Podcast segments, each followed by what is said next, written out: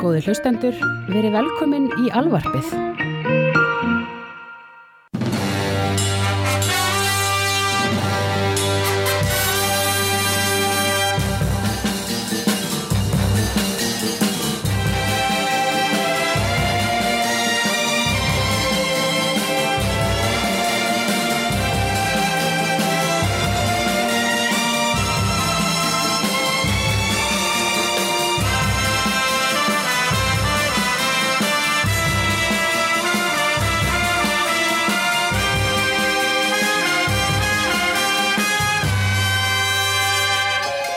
Hvaða prúðuleikari heldur þú sé bragð bestur? Ertu að meina steikja á borða? Sko, ok, svari er náttúrulega synga Já. og, en, ef, og, og hérna ef að- ef það væri hlaðborð ef þú myndir drepa alla prúðuleikarana og gera síðan hlaðborð úr þeim og, og geta það á Mér hefur lengi langað til þess að smakka froskalappir Já, ég hugsa sko fró, ég, ég, ég, fró- ég heirt að froskalappur séu svona eins og pínu djúbstektur uh, kjúklingur Mhm. ég hugsa og það er, það er ég er mjög mikið fyrir uh, kjúklingaleggi alltaf þegar ég fyrir á nýja veitingastað og þeir eru með kjúklingaleggi Já, að panta ég þá til að tekka hvernig þeir eru það er náttúrulega sko hænundar hans Gonzo eru, eru út um allt sko þannig að þið langar í eitthvað Já, það vöru. er nóga kjúklingi, en mér langar líka að smakka frosk Já, uh, en það er auðvitað til mest af svingu það er auðvitað stæsti rétturinn ég, ve ég, veit fyrir ekki utan hvort ég, bláa, blái risinn þarna. ég veit ekki hvort ég geti svarað hver sé bræðbestur en, en mér langar til þess að smakka hvernig, hvernig Gonzo eru Ég bræð held að Guns og sé óætur Heldur það? Já. Þessi ekkert nema seinur og bein Já, ég held að sé svona eins og þú veist um, um, hérna, marnútur Það má ekki borða hann það er auðvitað bara, þú veist, og nefið hann sérstaklega, sko Ég held að sé ekki eins og hægt að býti ég hugsa að áferðin hljóti líka að vera Ef hann hræðileg, væri sko. svona slow cooked og hann væri með eitthvað svona góðu meðlæti Já. Sultum og dóti Jú, kannski, svona, hann væri svona, svona, svona, svona uh, Svartfugl eða lundi eða eitthvað Jú, hann, ge- jú ég, ef hann, ef ég, ég, ég, ég myndi mér að hann væri eitthvað með hennar bræði, það var eins og svartfugl, rjúpa eða eitthvað svo leis Já. sem bæði vegi, af hverju er fólk ennþá að borða rjúpu og veiðana Ég, ég veit það ekki, ég hef aldrei komast upp á lagið með þetta sko uh, og já, en ég hef borðað björn uh, þannig að fossi björn uh, ég kefti mér í Finnlandi eitthvað um hann hérna, niðursóðin björn og komið hann heim og það var ekki góð matur það er Nei. ekki gott kjöt Hann er samt svolítið svona digur björn, hann, fó- hann fósi Já, hva- hann er hann grisli eða hvaða tegund er hann eiginlega? mm, Ég held að ég, ég geti verið að sé aðeins meiri svona fita sem að geti gert kjöti betra En síðan þú veist bíkar Hvo, ég, það, Hann er svo human eitthvað Já, þannig að þú Ég myndi ert fá að segja eitthvað- mér að sömur séu svolítið ein- fólk Ég sumir myndi fá svona, fróðleikarnir. svona kannibalisma tilfinningu Já, og sömulegist þá hann að lækni, hann að prófessorinn sem er með bíkar, hvað heitir hann aftur? uh, Bönsen, Bönsen, já, hann myndir ekki bara hann jafnvel, jafnvel síður sko En þú veist, þú, það er til mér ef að þú veist, maður myndir svíða hausin á Bönsen, þá var það ólíkt til mér venjulegu svona sviði fyrir utan það að það er ekki kind að það er engin augu og augun eru það ógeðslegasta við svið þannig að maður getur hugsað hm, það er alltaf engin augu En hvað með skallaverðnin? Já, tvímar laust maður Ha, Er það ekki málið? er það ekki, er ekki erðnir góður að bræði? Hvern, eru rándýr verri á bræði heldur en grasætur? Ég held að það sé smá villibráð sem sagt. Það er svona gamey Já, Já, það er það sem ég fannst við Björnin sem er alæta já, að hann var bara það, var, Guð var greinilega búin að ákveða að það ætti ekki að vera að geta þannan sko, og setti- grasbíturinn, grasbíturinn er alltaf getnilegastur sko. Já, ég myndi alltaf, maður myndi fá sér svingu bara til að geta sagt að maður geti svingu sko. Hvað með rótturnar? Já, On a stick. Ég mér hugsa til þegar voru bara rottuborgarana í Demolition Man þannig, og það, þeir voru axli pínu gyrnilegir þannig að ég myndi kannski bara rottuborgara Já, uh, Hvað er fleiri? við erum hefnendunni. uh, Nafn mitt er Hulkleikur Ég er ægormann. Eh, Þetta er tvítugasti þátturinn í þessum þáttum okkar. Mm Það má segja að það sé einhvers konar tímamót, sko. Já, Það er samt eiginlega meiri tímamót 2060 þáttur sem að er bráðið. vegna þess að Þá er- þá erum við hálsás. við töluðum nú einhver tíman um það að gera einmitt svona töga þættina einhverjum svona áfangaþáttum. Já.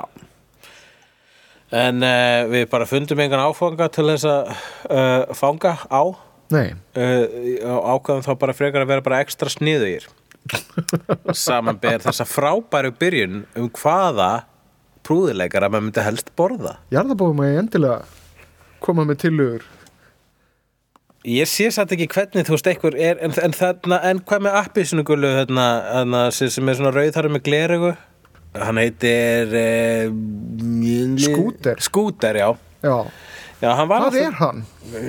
ég, ég, hann, þú veist, hann er ekkert meira human heldur en Bunsen En er hann ekki, er hann ekki bara svona, eins og, hérna, svona simpli reddútgáðan af kermit? Sko, það, í samkvæmt sko, það var nýlega mynd, prúðulega, prúðulega myndin hérna með honum hérna, Jason Segel. Já, Þá uh, er, þá er sko nýr prúðulegari sem er sko bróðir Jason Segel. -hmm. Og hann, hefur, fæ- hann fættist með það ástand að vera Muppet, bara svona. Og hann er þetta fræga lag sem að held ég var tilnýntur Óskarsvöluna Am I a man or a Muppet?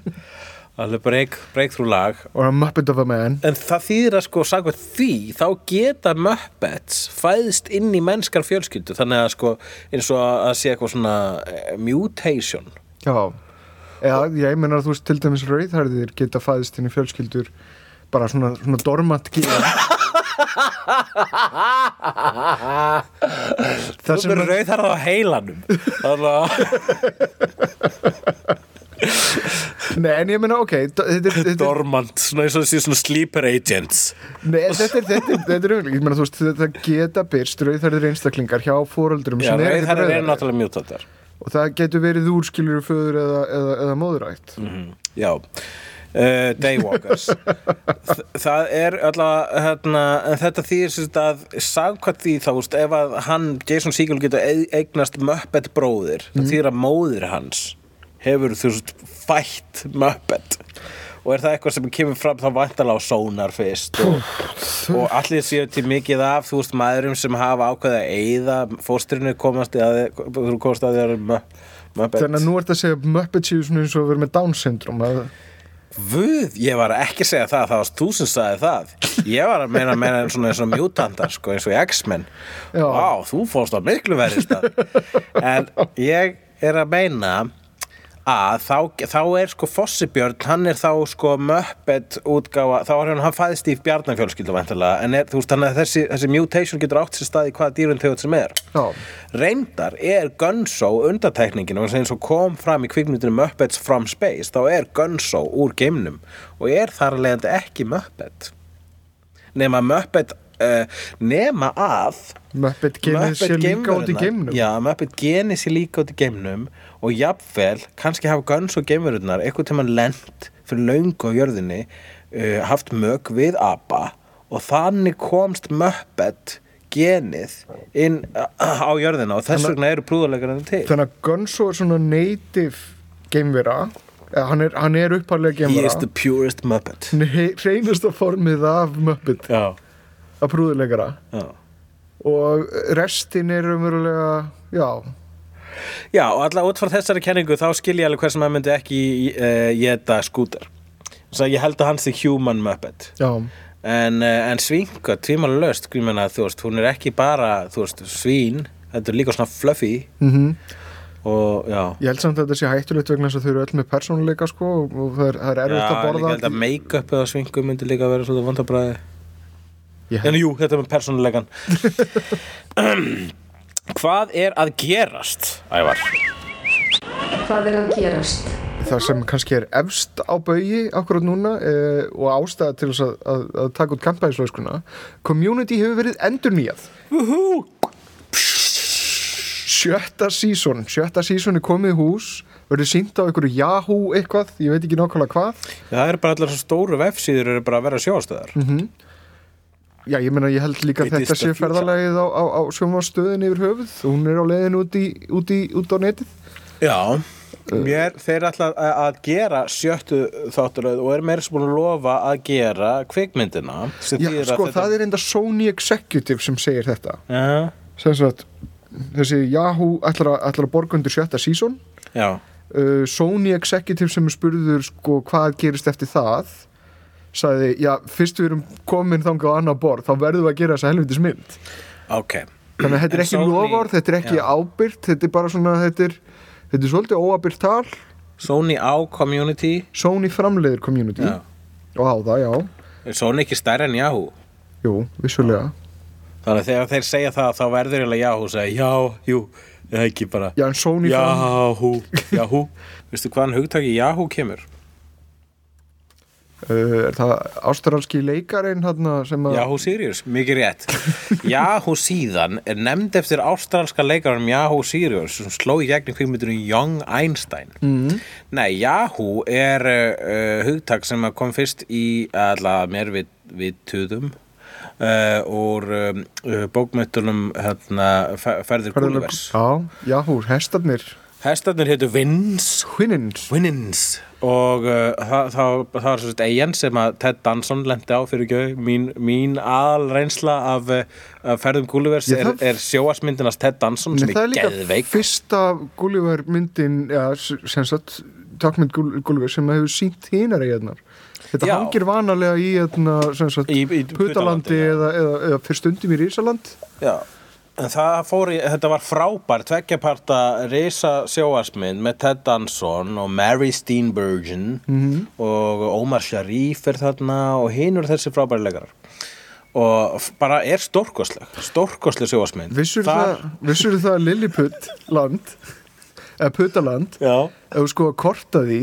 þá lítur það út eins og speklað Ísland á kvolfi Ah, fyrir ekki, ég var- greip fram í fyrir þér ég, það er bara stórmerkilegt að það hlýtur að hafa verið viljandi já, ég meina, þú tekur miða af ykkur Kenning En Yahoo er sem sagt, á, í þessum æfintyri sínum þá hérna, lendir hann uh, Gulliver á eigu þar sem að hestar eru ráðandi verur hestar eru gáðu verurnar og eru svona rosalega tignarlegar frábærar og hérna, verur fullar af visku búin að átta sig á það hvað lífið gengur út á -hmm. og svo eru eitthvað svona síðri verur þarna sem heita Yahoos og það er bara fólk, það er bara mannkinnið og þeir eru alltaf svona að baða sig í ein kúk og lemja hvern annan og eitthvað sliðis og þetta er bara svona, náttúrulega getur ekki verið augljósari ádæla á mannkinnið og það er greinilegt að Gúlífur hafi mikið álít á hestum og lítið álít á mannkinninu Já, hann gætt gert sér er skiljanlega skiljanlegt. vegna þess að Yahoo-nir töluðu ekki, þeir töluðu bara eitthvað svona gröntmál. Þeir eru bara bleh, bleh, bleh, bleh, bleh. En ég, na, ég einhvern veginn, er, er þetta kannski inspirasjónin að Planet of the Apes? Ég held að Gúli- Ferði Gulliver sé inspirasjónin að Star Trek mm. Fyrstu Star Trek það var basically ferðið Gullivers Þið fóru frá plánetu og plánetu og hver pláneta kendi um einhverju mikilvæga leksíu um mannkinni Það var svona ákveðin dæmisaga Já. Hversna byrjuðu aftur að tala um þetta? Já, Yahoo. Yahoo, akkurat, gu- uh, community En allavega upp með kampaðinsflöskundar, community er bjargað. Já, frábært Ég var að fara í ákvært að glápa Nei, nei, nei, við erum ekki búin að vera frétti, kallið minn. Já, já, fyrir ekki Uh, plaggatið fyrir Zero Theorem, sem sagt, hérna, ég, na, Nýju myndinast Tergi Liam Já Það var rítskoðað Uh, Þetta er svona svipað upp á döfinu og gerðist með þarna, sem sagt plakatið að Sin City, að Dame to Kill For þar sem að geirvörtur efu grínurðu að einhverju ágræðinsatriði fyrir hérna, Já, ok MPAA þannig að þið þurftu að búa til nýja útgáð sem var með minni geirum Minni geirum, Já, kallar þú gerfurtur geirur? já bara í þessu augnabliki já Já. Það byrjaði hér, já það búar. En hérna En ástæðan fyrir því að plakatið að síra þýrum var hérna réttskoðað var vegna þess að eh, framan á plakatinu þá er, þá er Kristoff Valds í fósturstellingunni að fljóti í einhvers konar algleimi og það sést í rassin á honum og þessi rass var bara svona of merkjanlega mikill rass til þess að, að, að- að teipurinnar hjá MPAA þoldi- þyldu það Merkjanlega mikill rast því það sérst sett í boruna. Nei, nei, nei, þ- þ- það er, það er ekkert farið inn fyrir skoru Eh, Hvað, er það bara önnu raskinin? að báða raskinunar En það, ef þú getur ekki sínt tvær raskinar aðeins að sé bora.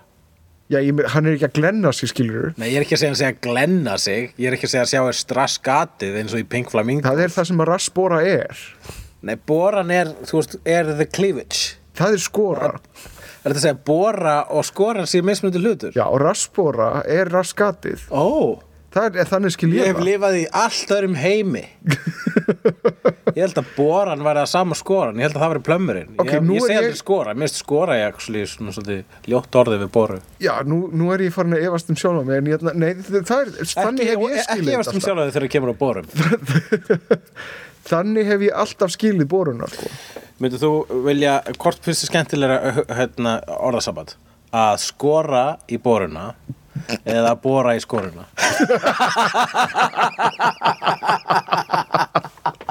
Þetta virkar bæði Það er að, að skora í boruna Það, það er svona meira svona "Wey!" meira HM já, Æ, Ah, ég skoraði í boruna en, en ég boraði í skoruna það er miklu meira svona það er meira nasti þannig að ég, ég kann betur við að skora í boruna já mér finnst það samt svona pínu svona gilsinlega stemning eitthvað yfir því þurftur að koma með gilsinleikar inn í þetta, þetta rými ef að skoða fleiri fréttir já veistu, það er- herðu, American Gods uh, er á leiðinni á Stars Network svo uh, mikilvæga og frábæra skaldsaga eftir Neil Gaiman sem er mjög skemmtileg skaldsaga, mjög löng en mjög góð já, það er, jú, akkurat bóknastöfum sem ég á eftir að lesa mér finnst þetta eiginlega alltaf bara endurinn langt bestur Say no more Mhm. En- en, já, það, ég, ég veit ég veit konceptið bak við uh, hérna, uh, American Gods Mhm. og það er koncept sem maður hefur séð nú annars staðar í öðrum sögum í, í, sérstaklega sögum hjá Neil í Gaiman Sandman, uh, hans Neil Gaiman og öllu sem hann gerir, hann Nancy Boys og allt saman skilur ég hann meira þess að hafa þetta pínu í hérna, símaskrósögunum minni, Garðarshólma Já. og það er það að það er það rauninu tilhugsunin um að allir guðir séu til já, og þeir bara búa saman í sama uh, veruleika einu gæsla ég, ég meina þú veist, þetta er það sem hann hefur sérhæft sig í er að gera sögur um heimilislíf guðana Já. Það hlakka ég mikið til að sjá í sjóarpi. Ég held að, já, ég held að ég ætla að fara sömu leið og ég geri við, já, ég ætla að segja Game of Thrones en rauninni sömu leið við allt annað. Mm. Það er að sleppa lesa bókina og horfa á þættina. Ertu ekki búin að lesa bókina? Nei. Ok, en hérna- ég ætna Ég veit, ég veit að það er skömmustulegt. Nei, þetta er þru- þetta er þrusu fínt. Ég býf ákveðna föllun. En þetta er þrjusu fínt efni í það að gera helviti fína sjónseríu.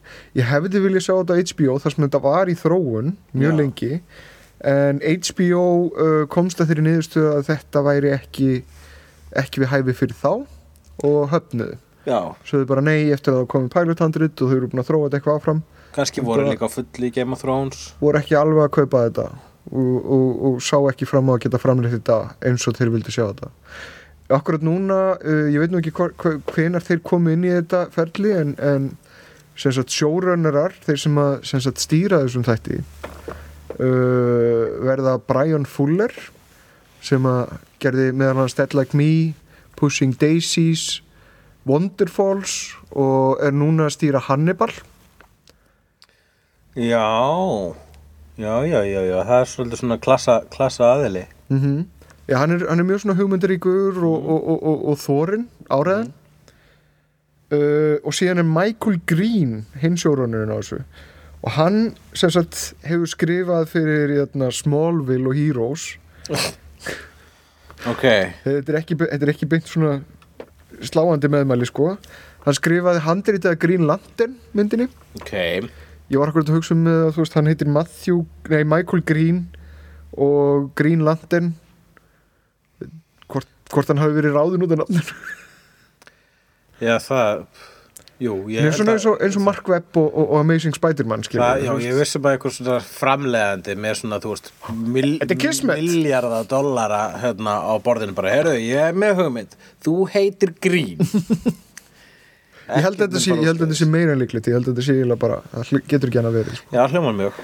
hann gerði líka seríu eh, eða va- vann við seríu sem heitir Kings sem að, jötna, mér á svolítið vannmetinn og, og, og, og ég hefði vilja sjá meira af sem er Davíð saga sem sagt úr biblíunni Davíð, úr Davíð og Góliat uh, og ferðala hans í konungstign og, og, og hann sem konungur Og hvað, nei, er það þá biblíst, er það bara svona í, í eðumörkinni og... Nei, nei, nei, nei þetta, þetta, er, þetta var sko, þeir notuðu þá sögu sem, að, sem sagt, er í biblíunni uh, nema hvað þeir sem sagt byggu til ykkur svona framtíðar uh, já, svona sci-fi veröld sem að var samt svona svolítið nær nútíma sko, það var skriðdregar og svona dótt en Vá, í Já. alvöru, Já. var þetta bara eitthvað steampunk?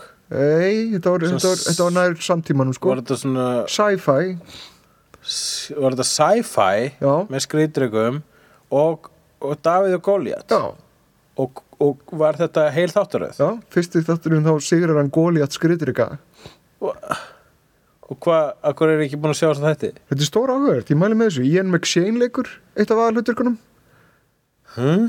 ég, ég nefnilega sá þetta og ég, ég, ég húkaði svolítið, ég hefði viljað sá meira sko. ok, Hann er uh, líka að vinna að handreitina Prometheus 2 sem að ég held að sé ekki sniðið hugmynd að gera yfir höfuð mm og Blade Runner 2 handreitinu sem er líka eitthvað sem maður ætti helst ekki að Veitu, snerta hvað, á, er sko. hann að fá öll verkefni þessi maður eða Já. segir hann já við öllu eða, ég skil ekki Ég held að hann sé svona að segja já við öllu típa sko, vegna þess að hann er Já. líka segin að gera Hann flash myndi ekki segja bíómynd já við öllu ef hann fengi ekki þessi verkefni hvað er svona rosalega mýl trúa á þessu manni Greinilega og, og þetta er hann þessi grín Ha, er þetta þessi grín já, sem, hann- sem hann gerir heroes já akkur fær hann svo mikið tröst Þetta er greinilega comic booker, hann kemur örgulega vel fyrir í, í Oj, herbergi bara.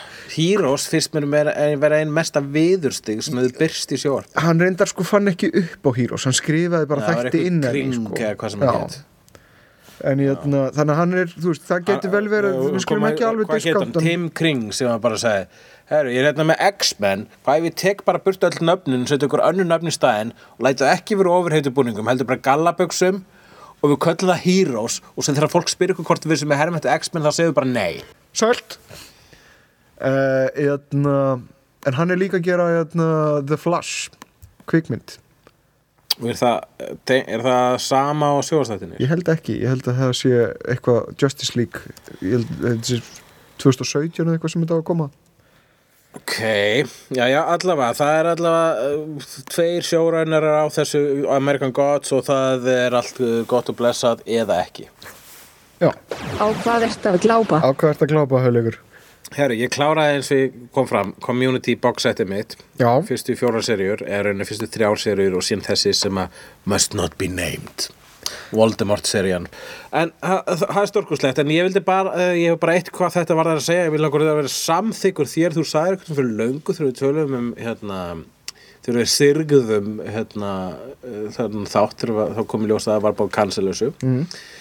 Uh, að þá sagði þú að Britta veri besti karakter en ég er eiginlega að fara að vera sammála því hún er ógislega fyndin hún er ógislega vel skrifaðar og frábær karakter uh, en ég var líka að horfa á True Detective kláraði það, horfa á það frá upphafi til enda snild, ég myndi segja að þetta sé 7 2001. aldarinnar og svo var ég að horfa á mynd sem heitir Bad Milo hefur þið heyrt um Bad Milo? ég hef ekki hýrt um Batman og hvað er það? Bat Milo er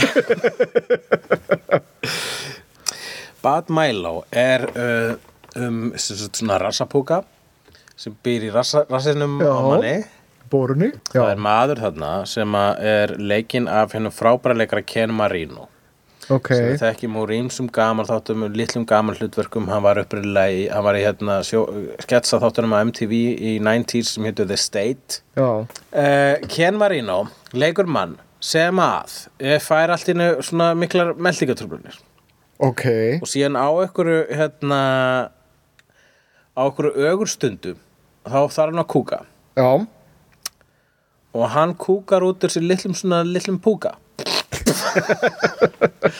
sem að hann kallar seinna meir Milo já, vegna þess að hann verður að gefa honum eitthvað nafn og þessi púki sem býr í rassinum á honum -hmm. hann sem sagt, hérna, tekur að sér alla gremju hans, alla kvíðan hans og fer síðan út stundum bara sko óumbeðin, oftar eiginlega alltaf óumbeðin já, fer út úr rassinum á honum á nætunar og fer og drepur fólkið sem að böggar uh, mannin já, í heiminum í þessari mynd eru hvílíku meistaralegararnir sko Gillian Jacobs Já. breyta, Á. hún leikur í þessari mynd indæl, Patrick Warburton, Já. The Tick leikur í þessari mynd uh, það er þetta, Peter Stormare leikur Þetta er bara í þessari best of mynd. snilld. já Uh, og síðan hérna leikarinn sem leikur hérna, hvað heitir hann sem er þarna í, í community sem er þarna Oh my god Það er þarna Da- Hvað heitir hann? Darren? Dean? Nei, Nei, já, hann, já, já, já, já, já. Uh, ég man ekki hvað hann heitir, en já, já ég veit hvernig þú ert að meina. það er gama sem, að- sem að leikur hérna. að It's a bear dance! Já, akkurat Sákaður, Já. hann leikur í þessu Þessi myndi morandi í góðum gamleikurum Já. Mm. Hún er hræ ódýr Þau nota ekki CGI, þau nota animatronic eins og í gömlu gremlinsmyndunum til að stjórna litla Milo Já. sem að er með tvo svipi hann er rosalega sætur Mhm. -hmm. og maður vorkin hann stundum og með svona rosalega krúttilega augu Já. svo til hann var reyður þá lætur hann hérna eh, skína í sér tennurnar og Og svo þetta er bara þessi tveir svipir. Já, þetta er mjög takmörku mynd og hún er ekkit að, fer ekkit í felum með það. Já, Þetta er eins og þetta sprengklægileg mynd.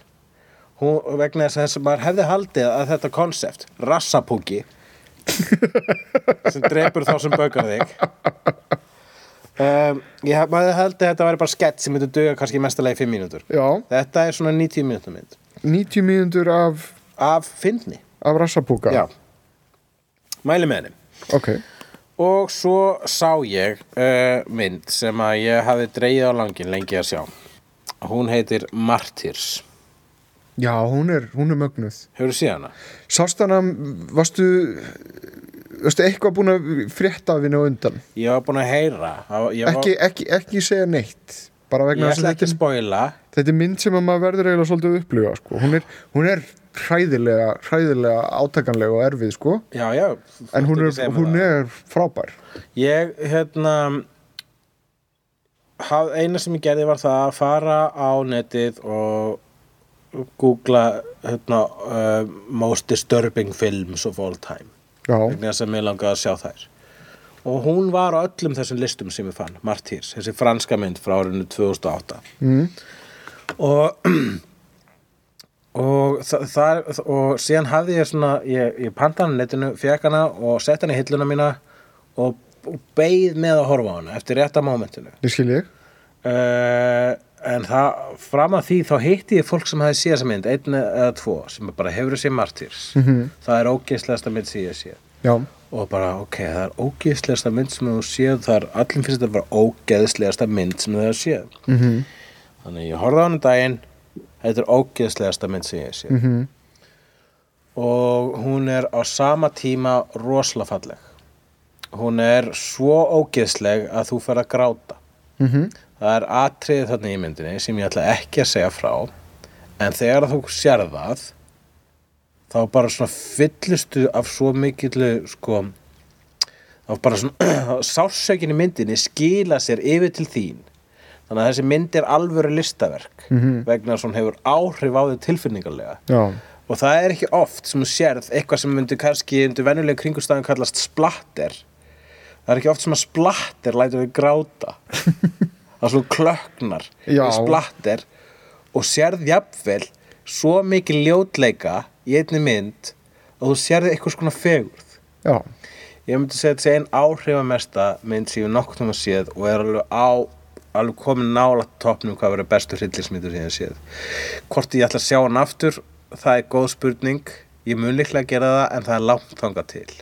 en þetta er mynd með skilabóð þetta er mynd sem gerði það að verkum að maður þagði og var svona hálf dofin eftir á já maður var með svona eins og maður var að koma út eitthvað svona slæmur, slæmur trippi varstu nokkuð að horfa á hann í gær þegar ég var að reyna að ringi þig Nei, e, þá var ég að horfa á Sex and the City, the movie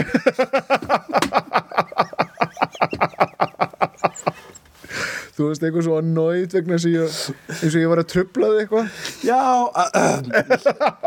Ég held ég væri búin að setja síma minn á Do Not Disturb emitt, Þess vegna var ég pínur að nóið uh, E, En uh, ég var sem sagt að horfa á Sex and the City Extended Cut em, ó, ó, emitt uh, Og uh, það, að- viltu að ég tala um hana?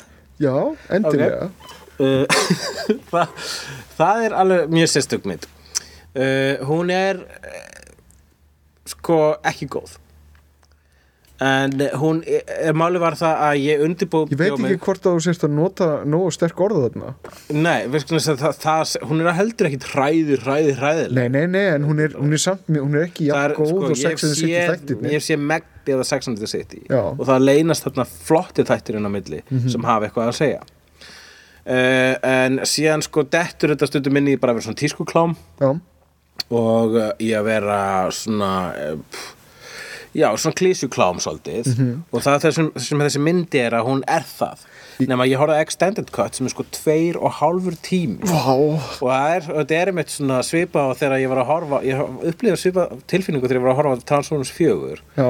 að þegar hún var hálnuð þá var ég bara svona, ég trú ekki að þessi mynd sé hálnuð vegna þess að það var búið að gerast svo mikið struktúrin í henni var þannig að það var svona skrítið að það var svona mikið eftir af henni Uh, en þessi mynd uppfyllar allt sem hún- sko, ma- ég stilti mig bara eins og ég geri þegar ég horfa á kveikmyndir, stilti mig tilfinningalega inn á þetta, til þess að gera reynsluna þólanlega og svo vil ég bara taka það fram að ég er ekki með fordóma fyrir Sex and the City, mér finnst það að vera flottur hlekkur í, í sjóasögur Mér finnst nefnilega sex eða sitt í sjónvarsherjan ótrúlega skemmtileg Já, og þess vegna fannst mér kvikmyndin svo mikil vambriði já er það, en ég meina máli er það að þetta, Sex and the City byrjaði svolítið edgy og síðan þokaðist í átt að eitthvað skonar sko, melodrama -hmm. og, og þannig að mér finnst sko, myndin vera alveg í takt við loka seríuna Sex and the City Já, og, og það er og seg, hún snýst um brúðkaup mikið já, og, það, og að, hún uppfyll hún, hún getur tjekkað all bóksin það er sko hérna, mátunarmontage það eru tvö mátunarmontage í henni. auðvitað en það sem ég hugsa sko það er, þetta er mjög mikið kallar sem hafa skrifuð Sex and the City Mhm. en og þá er mér að hugsa líka eitthvað sem ég lærði eftir ég horfði, ég horfði á alla, alla þáttaröndir á Entourage Já. sem ég finnst vera Sex and the City fyrir stráka sem það basically er mm. og þá komst ég þegar ég horfði á aukaefna af því þá komst ég að því að headwriterinn af því er kona Já, þetta finnst mér pínu svona merkjá svona fantasy sem sagt, ef þú ætlar að smíða fantasíur þá, þá hvað, þarf að standa fyrir utan mengið eða sko, ég, sko hérna ka, sko Sex and the City fjallar um konur sem eru mjög mikið að hlutgera kalla Já, vor, hérna en, og, og, og Entourage fjallar mikið um, ka- um kalla sem eru mikið að hlutgera konur mm en headwriterarnir á þessum báðum þáttum eru af sérst öfugu kyni já, Nota bene reyndar er kynneigð mannsins sem að skrifa Sex and the City, hann er samkynneigður mm. þannig að ég held að kenning mín, eh, þessi, þessi, a- þessi aðtjóðsönd mín falli svolítið um það Ég- ég meina þótt en mér að finnst sér- þetta interesting Þú ætti að þú sért samkynniður þá þarf ekki að vera svona kvenlegur eða sæki það sérstaklega sko Eitt Nei. þýðir ekki annað Já, en uh, já, jú, akkurat en þá hefur, ég myndi segja samt sko að ég veit ekkit hvert ég er að fara með þessa pælingu Ok, við skulum bara ljúka þessu á, á, á einföldun útum Já.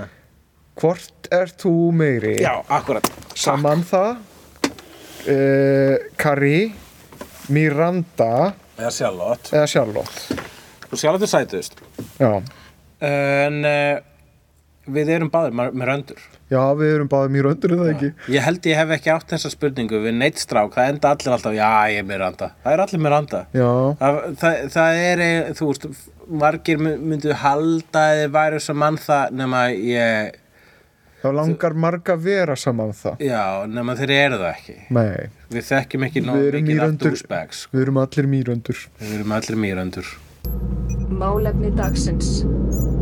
Ég heyrði það í útvarpinu, ég var í búð að kaupa snúð, reyndar ekki, vegna þess að snúður eru úr glúteni, en ég var að kaupa eitthvað í búðinni, Já. ég man ekki svona hvar, en ég man ég heyrði þetta í bylg, á bylgjunni, vegna þess að bylgjur eru spilaðar í búðum og þá var ný frétt Já. sem var sagði frá því að eh, kona í Japan skildi við mannin sinn vegna þess að hann fílaði ekki Frozen. og þá hafði hún verið sko, far, sé Frozen Já. og hún var ástfangin af myndinni og hún fór aftur á Frozen og hún kvatti mannin sinn til að koma með sér á Frozen hann vildi aldrei koma á Frozen og meðan fór hún á Frozen svona tíu sinnum og svo lokum dregur hún mannin sinn á Frozen og svo þú kom á Anu og þá spyr hún bara hvað fannst þér, fannst þér þetta ekki æðislega mynd og hann bara, nei, æ, mér fannst hún ekki spes hún Ekkert skildi við hann sérstaklega.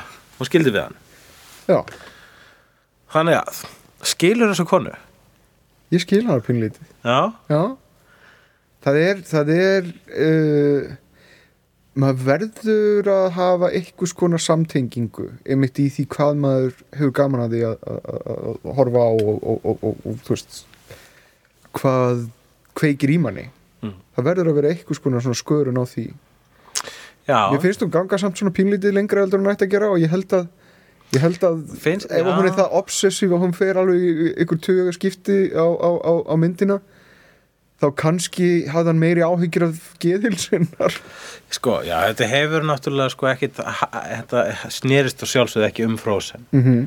frósen hefur sjálfsögð verið upp dropin sem fyllti mælin já, frósni dropin grílukerti sem fyllti mælin já og um, þetta snýra obsession Já, þetta snýr, nei, mér finnst þetta ekki vera obsession, ég held, að, jú, jú, ok þú getur, ég skil ekki hvernig nennir að horfa á hana svona oft, ég, mér finnst hún frábæra en koma hann og gætir þú sem sagt allt í sambandi við mannesku sem að fílar ekki Buffy góð spurning uh, ég uh, er allavega ekki í sambandi við manneski sem fílar ekki Buffy mm -hmm.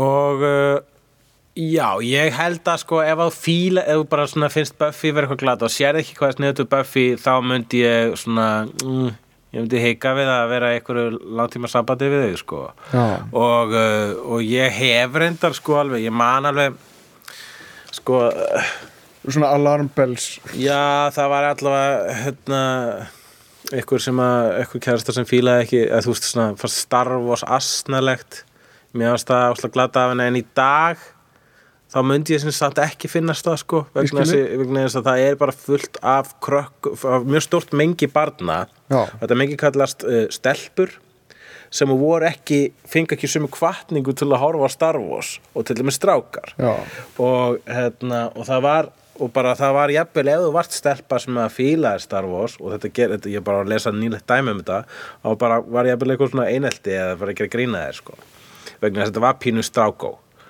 og uh, þannig að þetta var ekki bara svona afreikunum ekki ætlast til af stelpum og síðan náttúrulega ofanlega þá er þetta ekki beint mjög stelpuleg mynd þar að segja að það er ekki margar stelpur í henni nei en hérna hvað er þar margar? Tvær og ein, ein, eina af þeim er, er, er, er vandiskona sem að endar í einhverjum pitti hjá já, skrýmsli. já, akkurat jú. það er vændiskona og prinsessa og þess vegna skil ég alveg ef, að- ef í þessu dag þá myndi ég ekkit vera hefur ekki séð Star Wars og svo myndi ég pína hana til að horfa á Star Wars og, og þá myndi hún horfa á það með augum fullorðin og mannisku en ekki með augum barns eins og allir sem að fíla Star Wars Já, þeir ég sjá það meina- bara eins og þau sáu þegar þau voru bæðið tíminn sem þú upplifur þetta er svo mikið líkilat Já, það er þarna, þú veist, að vera opinn fyrir því að njóta þess að horfa á Star Wars er, er, er bundi við eitthvað tímabil algjörlega, þannig að í dag myndi ég ekki vera bara hvað meinaru, sér ekki hvað þetta er mikið snild Mhm. -hmm. og svo hor, á meðan er hún að horfa á ófrumlegustu mynd sem hefur nokkuð til séð og það er ein stelpa í henni og ein vændiskona en, en jú, e- ég- ekki það að vændiskona sé ekki stelpur, ég veit ekki en Já, ég- við vitum samt ekkert hvort hann hafi verið sérstaklega vændi sko, hún geti bara hafi verið dansar eða strippari ég finnst þið verið að del- dvelja svolítið lengi á þessari vændiskona og svo vi- var hún ekkert vændiskona þetta var kona sem var hlekkið hjá Já, Jabba ég er kynlífstræll fyrir Já, ekki kynlífsrækli, Þetta var ekki, hvað það var hún ekki heitir? mikill Þetta var ekki hennar choice Ekki- ekki mikill Þetta er vilji þarna, sko. Hræðilegt, ég, bara núna, ég hef aldrei spáði hvað þessi kona hefur átt Já, slæm þetta, þetta var bara mjög Shit. hræðilegt að, Þetta Return of the stuðaði Jedi mér rosalega er bara sko mjög creepy mynd fyrir mig núna Þó að sér þetta mjög creepy að Jabba hafi fílað leiðu Já, Hann var svona Uhu Jabba, di Jabba lalalalalala. Og er eitthvað svona að reyna að fara í sleik við hann og hún svona uh. var þetta ekki bara valdbytting og, og, og, og svona, þú veist Já, ok, þannig að þetta var ógeð? ekki kynfylislegt vegna þess að væntanlega þá myndi Jabba fíla aðra snigla Já, að myndi bara fíla snigla stelpur við höfum ekki, sé- höfum við séð eitthvað svona konu Jabba, var það ekki ég sé það Phantom myndasögum Menace?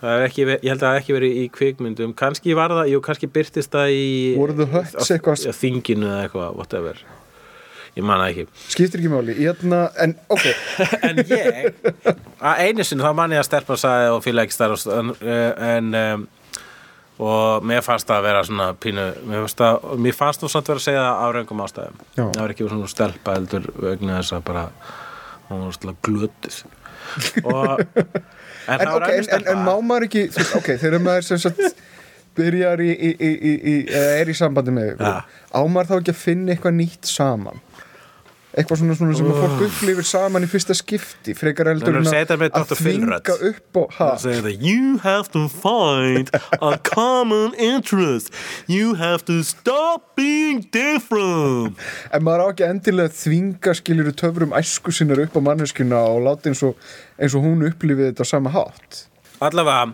það er ekki pointið mitt Heldur, ok, þetta er heldur að hræðilega ég hérna, sá, var í Nexus um daginn já, Þetta var brótusnúningur Ég var í Nexus og sá hérna uh, það er komin uh, hérna, Frozen íslenska útgáfan á DFD og Blu-ray já, Hvað heldur að titillin sé?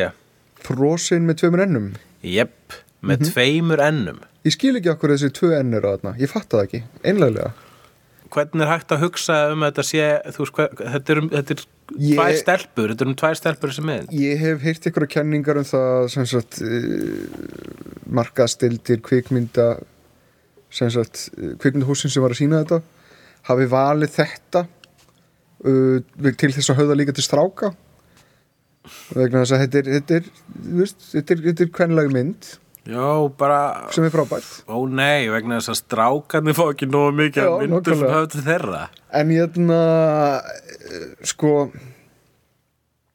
ég meina þú veist Frozen á ennsku er mjög hlutlust, gender neutral svona Já, já. titill sko, að setja þetta auka enn finnst mér svo furðulegt og óþart.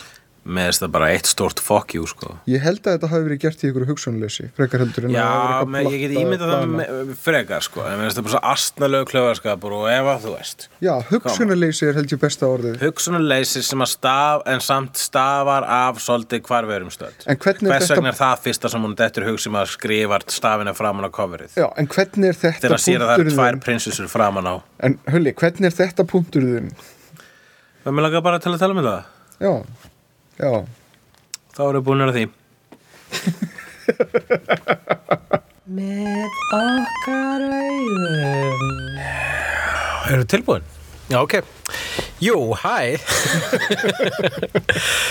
Uh, nei, við skulum ekki byrja svona, við skulum frekar byrja svona hérna Jú uh, Velkomin Þetta er svo smúð intro hjá þér, Hulli. með okkar Velkomin í liðin með okkar augum Já. uh, Og við tölum Var ekki síðast þegar við vorum með þannig lið sem við tölum um fótbolta Mm, ég held að við höfum verið með einhvern annan með okkar augum líð á milli. Hafið þið talað um fótbolta áður? Já, við tölum aðeins um Við tölum um HM. um HM og fótbolta og líka hvað það væri sniðut að fá hérna sem sé til dæmis fólk með vopn innavöllin, jarðsprengjur jafnvel, ljón, tvö, tvö tigristýr Ég er bara að hlusta alltaf á þættin ykkar en síðan að HM byrjaði þá er ég búin að missa af Já. öllu því að ég hef ekki, ég hef ekki tíma í neitt annað heldur en að Akkurat, viltu kynna þig? Örvar heit ég Já, og er Þóriðarsson Ós Márásson Ég er músikant og, hérna, Og hlaðvarpari. og hlaðvarpari, ég var að byrja mitt með þætti hérna ég hef Á segið þetta lappinu. hlaðverpill Ok. Ég er hlaðverpill Þeiti mér út í loftið þá, þá kem ég tilbaka Já, við varum að byrja með þátt sem heitir Eusebio sem Já. er f- svona fótbolta þáttur, knaspinu þáttur Fótballta þáttur á alvarpinu, endilega að tjekka á honum. Ég hlusta á fyrsta þáttin alveg í tællur. Ok, Ég, mikið ríklega að heyra það ég, og ég, við erum að tala um samt að þetta er erfitt fyrir mann eins og mig sem skilur ekki fótballta, en samt gaman. Ok, það er gott að heyra, gott að heyra. Samt sko, já ég hef eftir að tjekka á þessu en ég gerði ráð fyrir að að ég myndi, vegna þess að ég er að heyra fólk eru að hlusta hefnundur á þess að vita, vita hvað við erum að tala um sko, þannig ég held að sé bara sko persónuleikarnir stundum sem fólk Já. er að hlusta við, sko. Maður verður stundum að vera opinn í sálinni, sko.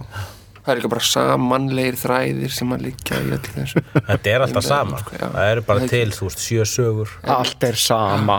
allt er eins og, og sömulegis tilgangslust um, Við erum, fengum því hingað til þess, vegna þess að ég fekk þá flugu í hausinn að, eh, að við, ég og Ævar myndum keppa í svo kvöldu sko, svona fantasy fútbol heitir það ekki, fantasy fútbol lík Jú, fantasy lík. Alls að ég veit nákvæmlega hvað Spennandi. það er það er svona eins og roleplay með fótbol Já, þetta er, þetta er teknilega séð uh, með okkar augum málefnið Já, og það er fantasy fútból. já, Ok, sko, ég hef aldrei spilað fantasy fútbol, sko ég, Þetta er eitthvað svona Ég er svona svolítið af gamla skólanum með það Ég hef aldrei hætt mér út í sett þennan hluta af knarsbyrnu en ég Þetta er ímislegt um knarsbyrnu en ekki um endilegum Nei.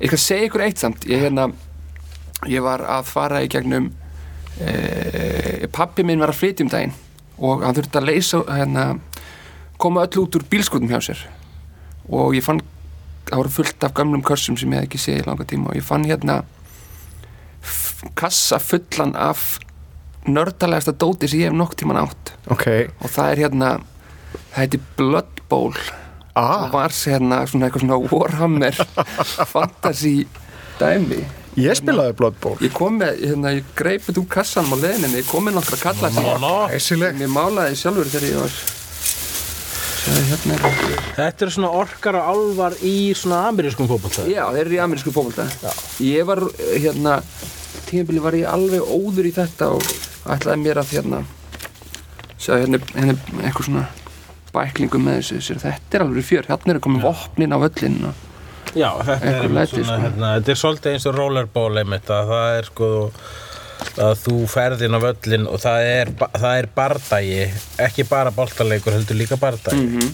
og það var alls konar svona reglur og eitthvað til að hjálpa manni að að gera þetta Og þetta er alveg það nördalegasta sem þú hefur gert mér fannst þetta alveg hrikalegt sko þetta, já mér fannst þetta eiginlega svona Ég sé hérna ná að í botninum held ég sko þú hefur Þetta var gert hérna- eina skissu hérna Þú, þú hefur ekki grunnað þetta að þú mála ég er alltaf hrikaleg um allar fínræfingar í mér alveg hrikaleg, það er eiginlega það versta við þetta sko Já, sjá. nei, ég er bara að tala um það Það, það sést í bert, bert plasti og þú hefur málað beint á það Já. Maður þarf að grunna það fyrst sko, Ég skil þig. áður en að- já, þetta er mjög annars, annars, annars, annars ertu eins og hérna með gula litin að hann verður svona græn ég skil þig, ég er einmitt að fara heim og, og laga þetta eftir svo gott að fá gott að fá smá pointer en það er nú einn hérna sem er svona helviti ég, og þú fengir hjálp við þannan já, Æ, já, eða ég hef verið í ekstra einbeittu skapi þennan daginn sko Ég er reynd að li- að mála svona varhammi kalla og það var einmitt fín hreyfingarna það, maður sá það fljótt að það Já. þetta er, þetta er ekkert ósvip að að, hérna, nýta flugur Já, þú ætti að vera ég með get ekki heldur. svaka þú ætti að vera með stækkunagler og, og svo leiðis og, og, og þar helst ekki að hafa neitt annað áhugamál Mm. til að geta eitt tíma, tíma í þetta mm. Mhm. Fantasí það var það sem ég gerði mér fannst það skemmtilegast að mála þetta Já, ég ég eh, va- þetta fantasy fútbol dæmi það er eh, eitthvað sem er hérna vinsald í bandaríkjunum Já. og þetta er ekkit ósvipað það sem er að gerast í eh, er, er í þessum FIFA tölvuleikjum er það ekki, þá ert þú að Í FIFA töluleikin það er bara eins og svona þá ertu bara að Nei, nei, football manager, meina ég. Football manager, já, já. já, þá ertu að safna í lið Er það Já, ekki? ég raunin ekki, en í þessu fantasy fútbol sko, þá ertu að velja leikmenn úr mismunandi liðum, þú setur saman og síðan hérna er þetta dæmt út frá framistöðu einstakra leikmanna Já, í hverju viku, sko, en ekki endilega liða Það er ok svona það sem að ég er svona eh, yfirleitt Það sem við ætlum að Þannig, gera já, hér er um að maður ætlum að sem sagt, velja í lið svona eins og í leikfimi í gamla daga mm -hmm. nema núna er það við sem erum með valdið okay. og uh, hérna og við ætlum að velja fígurur bara úr þessum popkultúr sem við erum búin að fjalla um hinga til í hefnendum Við vorum að ræða þetta á þann og við erum með takmarkanir, það má ekki velja sem sagt Superman ef Superman er framherji hjá þér þá þarf enga aðra í liðið þitt ok, en ég meina ég, ef að Optimus Prime var í marki gæti verið erfitt fyrir Superman að skora Ah, já, en samt Superman gæti alveg flóið í gegnum Optimus líklega, Prime, já. Ah. sko. að hann myndi fljúa auðveitlega í gegnum Optimus Prime Já, en það má ekki fljúi gegnum hann, ég meina þá ertu komið með Nei, þá ertu... já, Þá er það bara rautt rauð Nei, spjald sko akkúrat, það Það er er þetta ekki Það er nefnilega Kannski spurning, ekki gæti alveg Superman þannig, sko. sparkað svo fast í boltan að hann gæti farið í gegnum Optimus, Optimus Prime eða myndi boltin springa á fæti Supermans en, me, þegar það gerist? en me, mega þeir Mm. Sendi inn bref. en mega þeir þurfa þeir ekki að spila eftir reglum fótboltans Jú, Jú, þyrfti já, það eiginlega verður eiginlega að vera þannig. Já. já, En eh, þá, þá, einmitt, þá Þannig að takmarkanirnar útilokast allir verða. sem eru með byssur eða hvað. ég, ég meina það er enginn að fara að skjóta neitt á fótboltavellinum Ég finnst að við mættum verða með að inkorporata smá ofbeldi inn í þannan dómari, Vop, bara venjulega, ok, höfum þetta bara venjulegar fótboltareglur pluss vop plus one. Allir sáttu við ok, já, það ok. En power. Þú veist, Jú, og ég meina, skilur ekki párið eftir á hérna e, og, En þú voru eiginlega að nota párið svona svolítið eftir Já, eftir reglum fær, leiksins. fær spæti rauðarspjaldi ef hann skýtur vef í andlita á anstæðingi Það er svona eiginlega, það fellur þetta í vop sko. En má Við hann erum búin að sérst leyfa- nota sko vefinn til þess að kippa boltanum frá ég andstæði myndi kalla það hendi sko, ef hann væri Hann- með, já. ef hann væri með þetta í fótunum líka Já. þá væri þetta brotsvæði sko. en ef hann er í hendunum ég myndi það með hendi sko. þetta, er, þetta er framlenging á hendur um umverulega Ok, ég held að við þurfum bara sko að fara að velja í þetta og síðan ef að þú ert, ef að annar okkur velur eitthvað leikmann sem hinum þykir of sterkur þá bara bendum við á það Já, já, eins og, eins og te- Superman er náttúrulega þetta stæmi Doktormann, Hattan er eh, jafnvel ennþá meiri Superman heldur en Superman Þannig Þannig... að- og má ekki velja neina guði heldur ok uh, en þá langar mér til að spyrja sko þetta fótboltileg skiptist í það, leikmenn skiptast í de- það er sókn og það Þú þarft svolítið að útskýra þetta fyrir okkur eins og við séum fimm ára Já, já, ég- það er 11 manns inn á vellinum í, í, í, í, í hvoru liði sem sagt, Ok. 22 Já, það er einn markvörður og síðan er hérna síðan er skiptingir mellir sóknar, miði og varnar hún er svona breytileg ok það er hérna, erum við að tala þá bara hvað, ef við ættum set, spúin til eitthvað standard bara sko fjóra varnamenn mm Mhm. og þar eru sko tveir sem að spila sem miðverðir og tveir sem spila sem bakverðir það er sko- Strax farin að og ok, hérna segjum fjóra miðjumenn, fjóri, fjóri, tveir það er svona það sem er eh, svona Fjórir, fjórir, tveir. einfaldasta sko Ok, og það er fjóri miðjumenn, tveir af þeim eru svona á sikkorum kantinum, Ok. venstri og hæri kantur eins og það kalla, Ok. og svo spilum við með tvo framherja, ok, hvernig líst ykkur að þetta? ok Þetta er bara mjög flott já, tveir framherjar þar eru ykkur stjörnur sko Þetta, þetta, Já. þetta er þá svona klassísk sókn Já, þetta er mjög klassíst sko Ok, flott Lýst vel á þetta uh, Kasta upp okkur byrjar Þú með pening?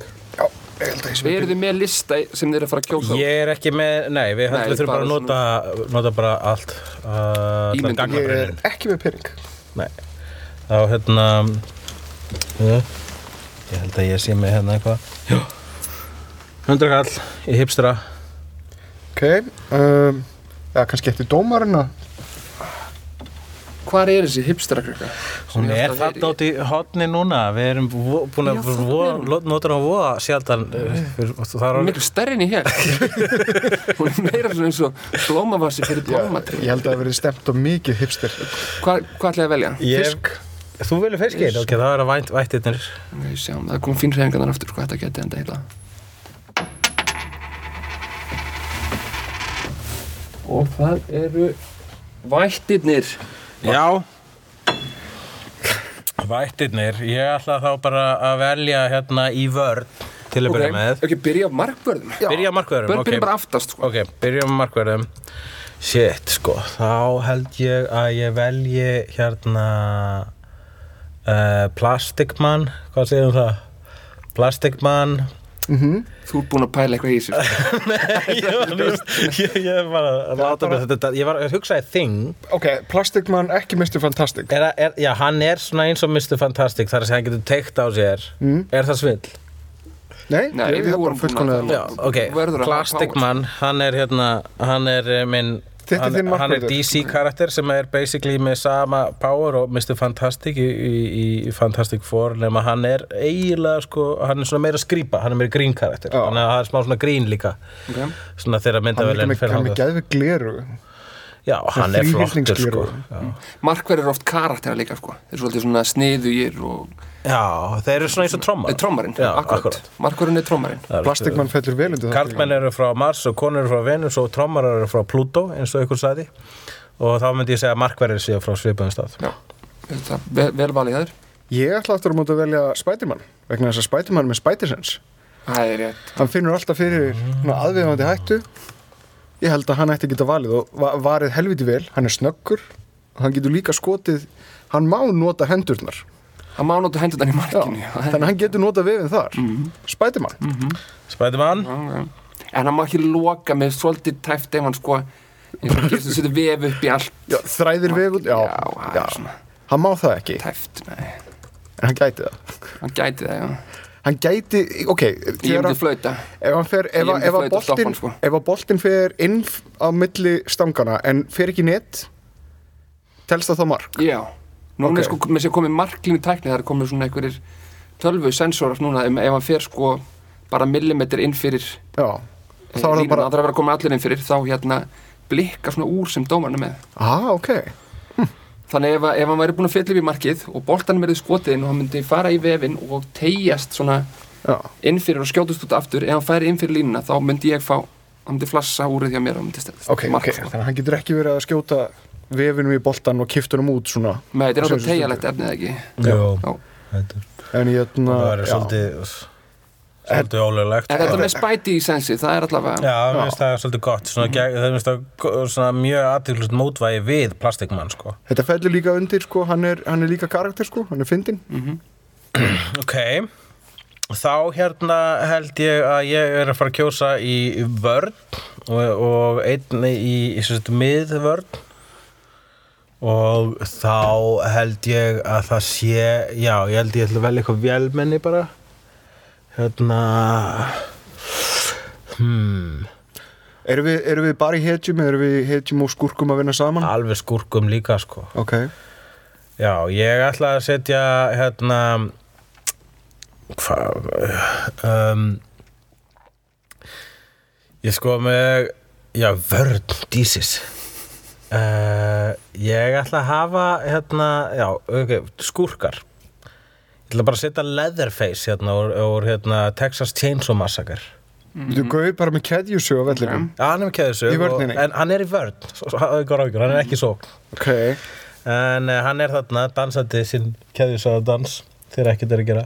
gaman að hafa Íslandíkarna sko Já, Gunnar, Gunnar Hansson, bróð, bróðir Ragnars Hanssons.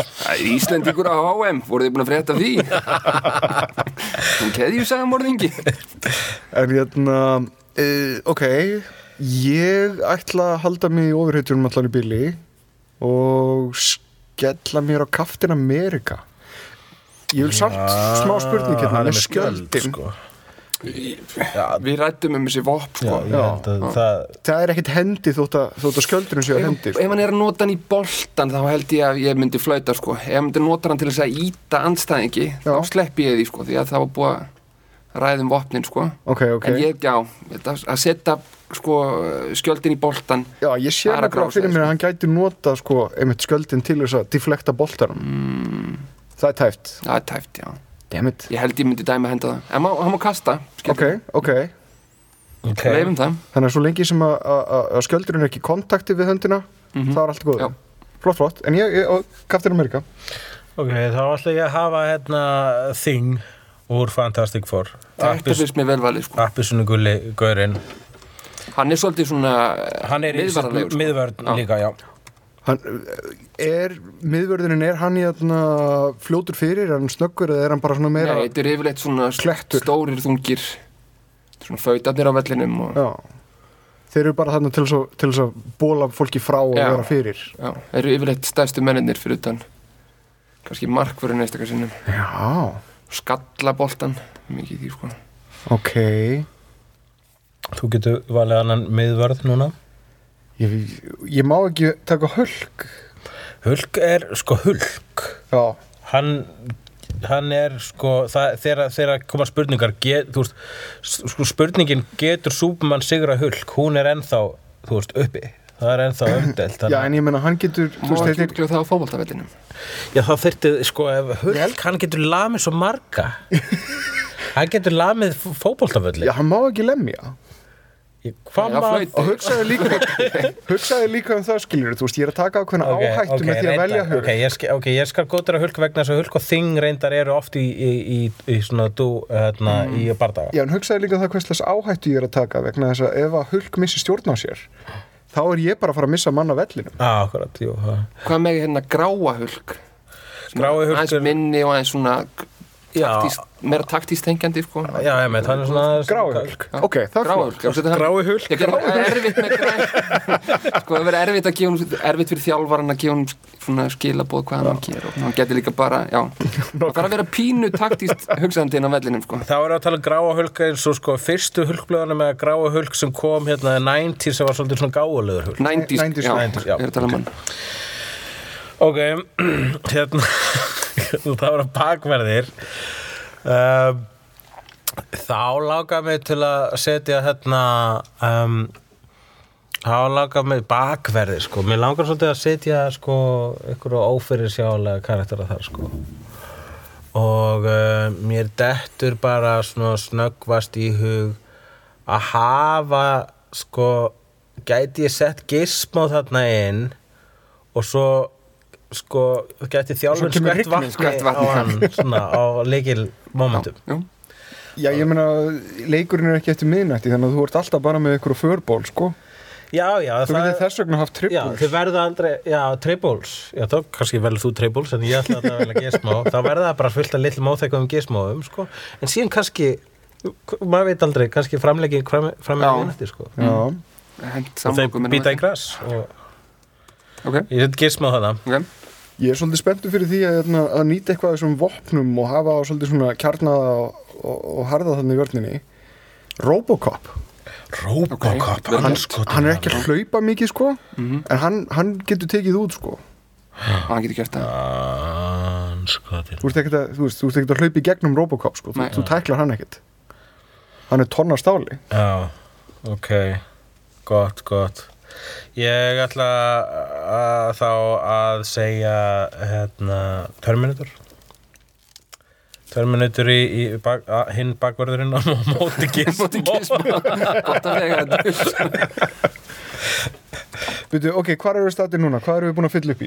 þetta er satt Schwarzenegger Terminator Eh, Já, ég hef reyndar að sé minn fyrir bara svona beran, benagreindin sko já, já, já. Þannig að hann er Ok. bara svona, hann er ekki búið að- að húða hann Já, en þetta er samt, þetta er 10.000 Þetta er 10.800 10.800 fyrir ekki 10.000 er sá sem er í vögvi Rétt, Já. rétt, rétt Hann Ég var ætla að vera reyndar dálítið- 10.000 já.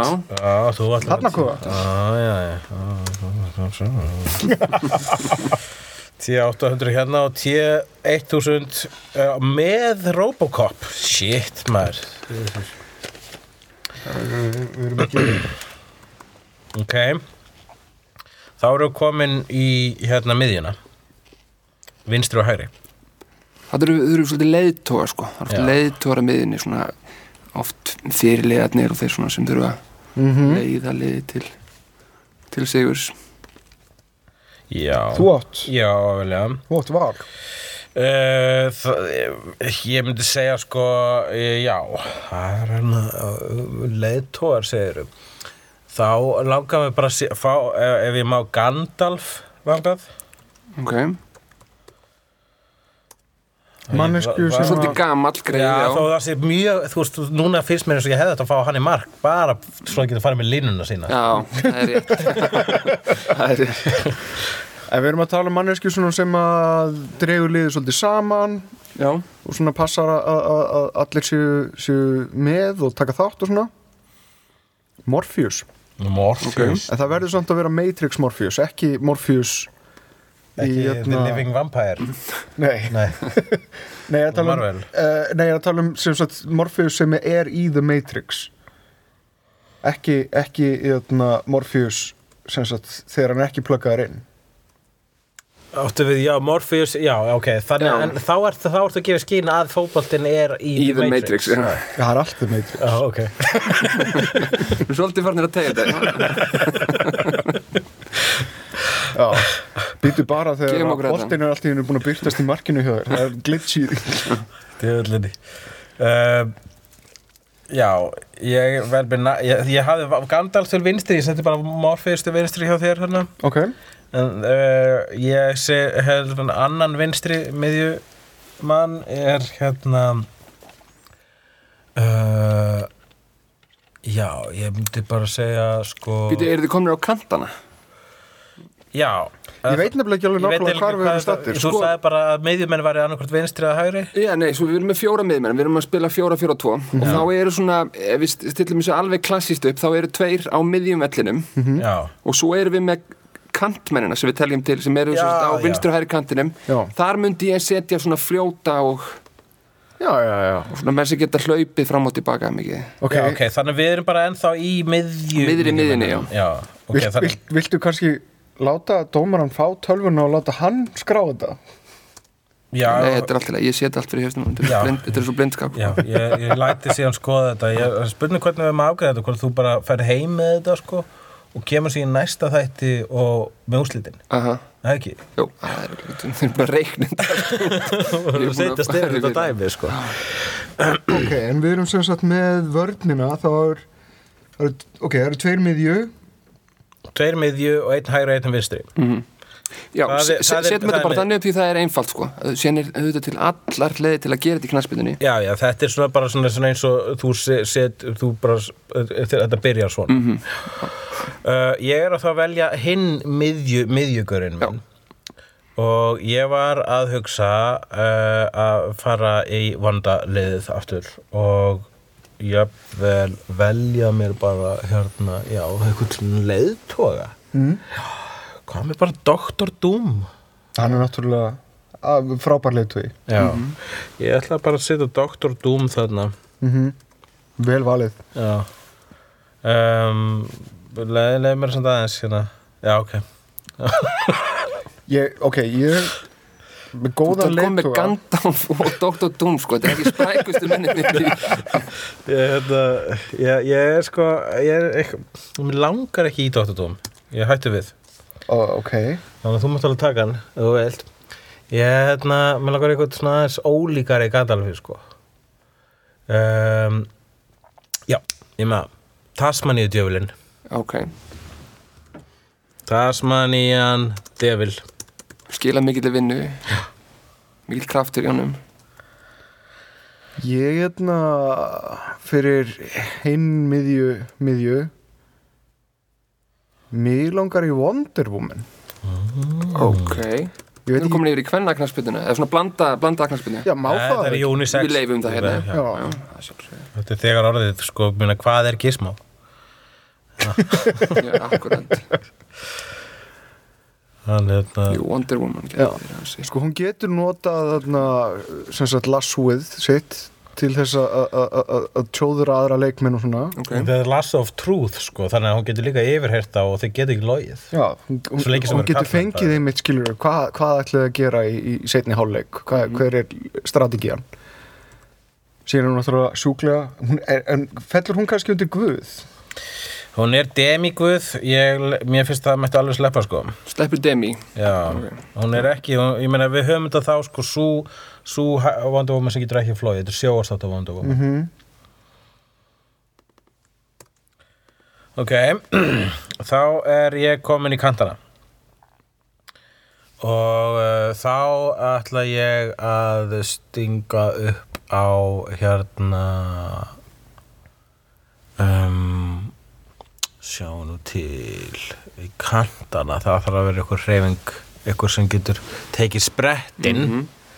ég held að við megum ekki velja flash sko. Og ekki heldur kveiksilver nei, þeir geta farið já, nei, það er bara, það er óréttlátt sko. Er það óreittlátt, já Já, þeir, þeir sem fara svo hratt að basically stöðvar tíminn þannig að Já, þeir geta unni leikin á meðan allir eru að byrja Já, leikinn, það er sko. svona er út fyrir Já, mannlega fórsjón sko það sögum ástöðurinn og Superman má ekki vera með Sonic Sonic the Hedgehog er, eh, er, Er Eh, Speedy Gonzales? Já, Sonic the Hedgehog þarf náttúrulega að byggja sig upp í hraða sko Já, ég, Speedy Gonzales er líka svona latín og já, ég, ég, þetta, ég var, var að koma úr Vanni Bros en ég ætla það bara að fara í Nintendo og segja Super Mario Ok Þið voru einmitt að tala um hérna nýja raða metið það ekki í Jú, í Super Mario Bros Innan við fimm mínútur mm Það er mjög gott Það þyrfti eiginlega sá maður þyrfti að vera á tökkunum sko, Já með Mario.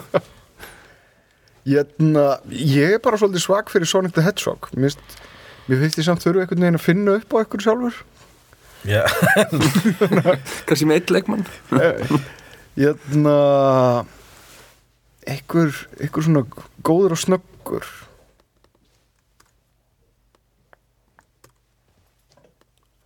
Þar eru við náttúrulega í ofurhetju stemningunni helst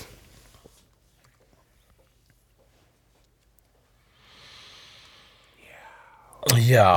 fuck it, Sonic Sonic Ég er búin að skrifa það líka Þú eru snögg Það var ég í vinstri kantinum og uh, uh, í þar ætla ég að setja hérna að bara upp á flippið Slimer úr Ghostbusters Slímon Slimon okay. Hérna, hvað hvað ertu svona að vonast til að fá frá honum hann á völlinu? Hann getur slímað fólk sko Já, hann getur það Já, og hann Mm. getur líka brunað brunað svolítið hratt sko og vakið óta jafnvel sko Ok. hann er frekar eh, ég er svona, ég átti með að hann er frekar svona meinlaus þannig séð mm, en brögðóttur en bröðóttur er bara líka gaman að sjá hann að ná vellinum sko. Já.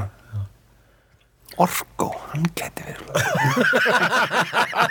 Ég ætla að setja hann í millið sko. orku auðvitað það er svo margt sem maður gleymir Herru, ég ætla að henda í jötna, Gary Oldman Dracula já, vegna þess að hann getur verið í sólaljósi já, já nei, hann, er, hann er veikari þar Já, en hann er, já dammit, hann er veikari þar Edvard Cullen aftur á móti já, ok, þannig að hann er bara, gl- hann er bara svona það er hann ekki valda bara ofbirtu. mennskur þar þar já, hann, þegar hann er í sól þá bara hérna, þá gláir hann, glitrar hann mm -hmm. þannig að, jú, jú, Mhm. Þannig að bara- settu, please, settu Edward Cullen Edvard Cullen, ok Edward Cullen Þá eh, erum við komin að stjörnunum sko. það voru komnið á stjörnunum sko. ok um, það eru er tvær stjórnir sem erum að velja hana Já, fram er hann að Ég held að vera einmitt gott að velja stundum með svona eitt lítill og eitt stór og stundum með svona uh, að þeir sé ekki eins sko heldur Já. getur unnið saman þannig í framlínunni já, Það sé ágætið sömhund Já, ok Eh, uh, Sko Invisible Girl Það er mér slegilegt að hafa tvo úr þú veist, Fantastic Four En ég er búin að gefa þér þessa hugmynd núna er, þú ert ekki með tvo þú ert með, Ég er með Thing já, The Thing já, Þegar var fyrirgefðu. komin í verðinu uh, Hvað með hérna Sjána til Ég er svona að reyna aðeins að fyrst að þú se- ég er að reyna að k- k- k- hérna með kynjakóta hérna um, uh, vegna þess að annars fæ ekki mitt sko hérna mitt liðið sem var svona opið bref til rúf uh, Já, herðu, hérna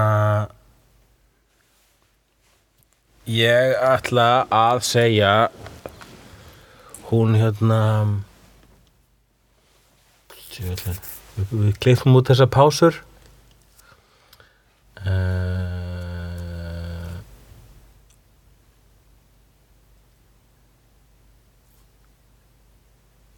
Já, ég ætla að setja hérna Spider-Woman Í framlínuna okay. Hún mun þá mæta Spiderman sem er í markinu Já, ævarmenn sko Akkurát, sko, hún er ekki með þessa vefi, Ah, Nei. en hún er með sko svona feromóna þar sem hún getur látið fólk sko rífast af sér okay. og hún getur látið fólk líka gera því gagsta að hata sig þannig að hún getur látið fólk elska sig eða hata sig Mhm. -hmm. og hún getur svona svifið smá er það ekki eitthvað? og líka, hún er Ég líka veit ekki með þetta að elska og hata hvernig það nýtist inn á knaspinavellinu sko en Nei, fuck it, ég seti Invisible Woman já, að, ég held að það sé bara góð Já, mér val. líst betur á hann að framir sko Sko- Já, algjörlega, Invisible Woman hérna Ég geti flækt máli mitt eh, eða svona starf mitt sem dómar samt, svolítið, Já. sjá hann ekki sko Nei Nei, en hún, er, hún getur sko hún getur líka búið til svona ósynlegt force field okay. það er svona ósynlega veggi eða, eða flotið á ósynlegum þú veist, búið til ósynlega kúlu í kringu sjálfa sig Mhm. Ég geti nýst henni vel ok, nú er ég að- að að líklegast til að stopna einum af mínum leikmönnum í hættu eða þá að hún sefur hjá honum Buffy, Fí Tjöðslin annar framherri hendur mitt ekki Buffy já. áttu við, já, já, já, Edward Cullen og Buffy geta lent í ykkur ástasamband annarkvort ástasamband eða hún drefur hann Já, ég held að það sé um líklegir að hún drefi hann ég, er bara- Já, já, algjörlega Þú ert ekki vampýra Þetta hefði kannski verið líka betra ef að ef það hefði verið sko vampýra í vörninni hjá Já, ég er ekki. ekki með, ég er, hún, hún sko, það eru hinn orðið þessar sko, eins og Leatherface, leðirfeis já. og, og, hérna, og slæmer eru svona dæmikir að buffi aðstæðingar sko. Mhm. Þá er ég með eh, minn síðasta mann inn á völl og uh, ég uh, hugsa að ég segi þá hérna já uh,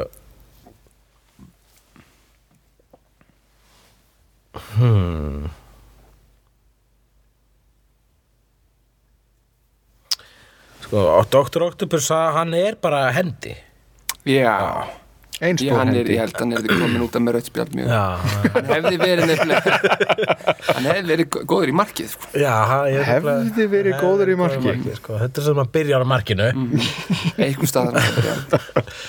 uh, En uh, hérna Já, betur Hvað Þú mátt alveg fara í eitthvað svona smá hýrópakka þarna sko Já, fara í ykkur Já Ég er að hugsa Um, Nú við Stu það að ég ætla bara að fá sko einn, ég ætla bara að spila át sko alveg powerless skoir vopnarlausan líka mann sem að uh, Það bannaði sig alvöru fótboltamenn samt sko. Nei Sko Ég reyk þá beint út af sko. Ég ætla að segja hann solo Hann er nú ekki alveg vopnalaus Já, en hvað Hann hefur sjarman Hann hefur sjálfman Hvað, hérna, hann sóló sem sagt bara úr Bara úr Star Wars Fyrstu Já, Star Wars, já. Fyrstu Star Wars, sko Ekki gamli hann solo sem er núna á spítala komið ágjör því sko. Jæna, hérna, Ég var að hugsa rosalega mikið um það hvort að maður ætti að fara í Wolverine sem hefur verið fýtt framherji en veistu það, ég ætla að stökka á jæna, gormdýrið Húpa, húpa Húpa, húpa Já, Gormur Já, Þetta er myndaleg lið já ef, að- viltu lesa liðinu fyrir okkur? Já, en áður en ég gera það langar mig að stinga upp að við veljum okkur sitt gott þjálfan Já, ég er náttúrulega held uh, Vilt þú byrja kannski? Já, ég held að ég er að byrja um, Minn þjálfi myndi vera Jeff Winger or Community Þess að hann heldur bestu ræðurnar Já. Það Ég var Var, svolítið úr öðrum heimi svona en hann, ég held að hann væri fýtt þjálfi sko, hann drefur fólk saman og á ögur stundu sérstaklega ég, eitna, ég var að hugsa um að tribjúta þig pínu og ge, sem sagt að velja Cyclops Já En ekki bara að hann er frábæð leitói sko Já, sem þjálfari okay. Er, er, það, er það, það þitt loka, þín loka ákvörðun? þarna hefði Gandalfur til dæmis komið alveg Já, rosalega þetta sterkur eru oft gamli kallar æðsti strumpur hefði líka verið góður þjálfari Já, akkurat Hversin ekki aðeins ég, ég, Þú búin að velja Já, hvað- Cyclops Cyclops hérna Ah, nei, nei, nei, nei, nei, ég sagði ég ætlaði að gera það ég er Ah, ekki búin Ah, að þú vera ert það ekki búin að velja Nei, ok aftur á móti þá, þá sem sagt já, Cyclops er ekki alveg málið hann er einhvern veginn of svona ungur og græður og, og kvatvís Já, við viljum eldri svona plottara eitthvað svona reyndan og, og, og svolítið svona slakan og, og, og, og tilbúin að pæla þessi hlutunum sko Já. og hérna tilbúin að eiga sveflausa nótt og tilkynna liðinu daginn eftir hvaða masterplan hann er komið sko. dammit maður, þarna vill maður eitthvað að guði sko Ég held að sko að þú- þú- þegar að koma að þjálfa þá held ég að sé, þá máttu alveg vel Superman Er það ekki? Mm. Hann er Hann er- bara, hann er, hvað er hann að, þú veist Það væri óréttlátara ef það væri sko, ég, nei, mér finnst bara hver sem er getur verið þjálfið þarna sko þannig að Dr. Manhattan, Dr. Manhattan gæti alveg verið, já, það er alveg löglegt að segja Dr. Manhattan, þú mátt breyta þínu ef að- ef að ef að- ef að- nei, ég meina þú mátt alveg verið Dr. Manhattan, hvað getur hann gert? Hann, hann má ekki, þú veist, hu- stjórna síðan liðinu með orkunni sko. Nei, en hann getur séð fram í tíman, skilur, hann getur reiknað hluti, Já, en tíminn er samt hann alltaf getur að reiki hjá honum. skinjað allan veruleikan. Það er, en hann skinjar framtíðina en framtíðin er á reiki Það er eina sem er hættulegt í Dr. Manhattan er það að hann hafi lítinn áhuga á leiknum vegna þess að hann er að hugsa um alheiminu á sama tíma. Já, ok, ég, einmitt, það er einmitt það að hún, fyrst, hún, hún þætti öruglega fótboltarleikurum vera einmitt að bara, bara enn eitt dæmi um tilgangsleysi jarðabúa og það er svona já, ég, ég guttar það alveg sko Dr. Manhattan og Jeff Inger Nei, ég ætla að segja Mina Harker Mína úr League of Extraordinary Gentlemen Ok, kærast hennar Dracula Er það mun, Já, ok, eins og gott að þú sleftir Dracula mm Ok En við erum samt að tala um League of Extraordinary Gentlemen mínu harkar sem að heldur liðinu saman og skipulegur sem sagt allt samhengi Já, Ég þarf aðeins að skoða hann sko. Ég já þekki hann ekki Ég hef aldrei lesið League of Extraordinary Gentlemen Er það satt ekki meira mæli með því, thumbs Alan up á það. Potterman sem er meiri leiðtói í, í... Nei, hann er, hann er þú veist Mm. Já, hann er haspinn, sem í opium, gamanmenni, já fíkill og, og svona það er hún sem heldur liðinu saman Ok Ég ætla þá að telja upp hérna liðs, liðsmennin okkar og nöfn á liðin líka Nöfn og lið, það, mitt lið eh, heitir uh, hérna uh, Hulsubröðin svolítið lind svona Já, já, en uh, erum við fransbröður við erum hulsubröð það er bara svona kaltæðinni sko. ah, Mér langar að segja lávarðarnir eitthvað Eða bara lávarðarnir Lávarðarnir Já,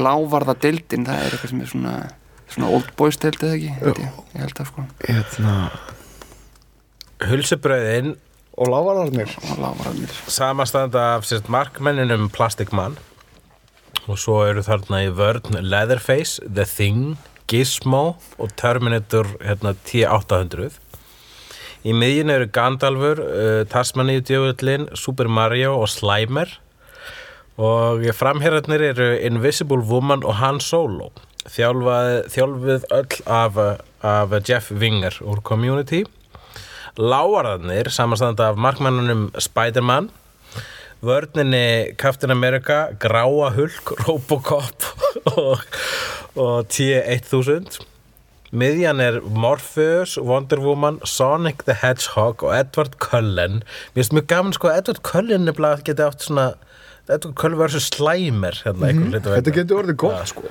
Framherðinu þín eru Buffy og Gormur sem er skeri og þjálfarin, e, þjálfin er e, Mína Harker Já, Þetta er powerhouse sko Já.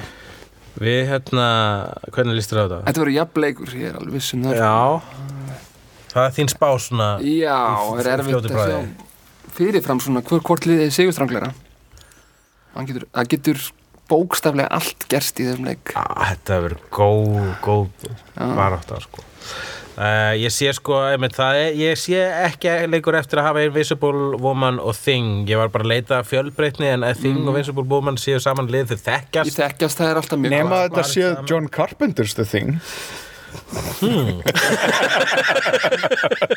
Nei, ég er svo Nei, hrifin það er að of- Fantastic Four þing hann sko. Nei, nei, hann er, hann er að þing og hérna hann er að þetta er bara svolítið heima eh, vinnan því já, nú fer ég yfir þetta mm -hmm. þetta allt út og fá uh, mig bara mjög góða reiknivél þessi reiknivél sem með öllum sem alls konar tökum svona, sem maður skilur ekki hvað er sko Já, já, já, já, já. svona merkjum og eitthvað, ég þarf svoleiðis sem er svona mörgum svona .00, .000 Mhm. við munum senda þér hérna YouTube linka að, að, ég mun senda þér linka að ræðinum hans eh, Jeff Winger Ok.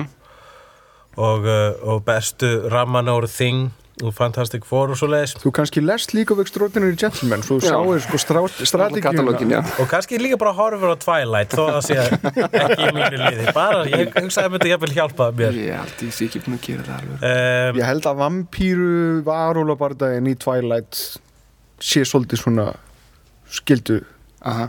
tjekk sko já, Edvard Cullen hann leynir á sér sko Jú, jú, Rauður á þegar hann er ekki að grenja En þetta, ég- ef ef við ekki hafa þetta þetta er hérna þetta er, ús, þetta er úslita leikurinn í heimsmeistarkeppninni, Já. ekki? já bara svo það sé, hérna með allir pressunni sem því fylgir og Já. öllu svo leiðis Í grunninn þá gætiru svona að sænað sitt hvort liðið einu liði í HM og bara miða við sko þú veist hvað finnst þér passa já, eða hérna, jafnilega jafna, hrættur um að þessi lið væri dottin út úr HM því öll svona lið sem hafa karakter eða eru skemmtileg eða svona hafa okkur að narratífi, þau dett alltaf snemma út og það er alltaf bara Já, svona, já, er það? Því, já, því mér þá er, er sko, Er það vegna þess að HM það er er ekki að fylgja- úrsláttakefni og og það Já. er einhvern veginn það verður svolítið Persónuleikinn sínikall er á þetta. ákveðin, ákveðin tíma sko, já, það er svona þeir sem að með reynslu meiri og svona ah. spila meira no-nonsense öryggi já, narratífan fyrir svolítið út úr gluggan þegar að kemur að uh, Pínu svona Útsatt money, gerðin. money hver eru líkurnar á því allsir komist alla leið þeir voru nú að Þeir eru lofa dottnir út núna. því þeir eru dotnir út já, það er bara um Þeir leið duttu að þeir út í- lofa því að gefa frá sér ykkur peninga þeir, það þeir var einhver... einhver fá allir peninga sko, þeir fá allir eh, hérna, sem sagt, hver einasti leikmaður fær svona appearance fees í keppninni eh, líka aðla bara til þess að það sé enginn að taka við mútum mútugreislum og eitthvað svo leiðis Já, og, ok. og bara eh, fá borgað fyrir er það þess vegna sem þeir fá svona borga mikið fyrir að taka þátt í þessu það er ein af svona ástæðan sem hefur gefið upp allavega sko. Já, en þeir ætla að gefa, alls er ætla að gefa hérna, bara all, allan peningin mér skilst það já þeir voru einmitt eitt af þessu skemmtilegu svona karaktermiklu liðum í, Já. í keppninni og hvað er mikil eftir sér á þeim Ég- þú sérð hvað ég fylgist vel með ég las þessa frétt í dag svo þegar, þegar, þegar þessi þáttur fer í loftið þá er ekki margt búið að gerast Já. allir þeir sem að Ég- það verður mjög spennandi hei, að vita hvort einhverja hlustundum nei, að hvort einhverja jarðabúum sé að fylgjast með með knastbundur vafalaust, það lítur alveg að vera ég fylgist með hefnundum og Já.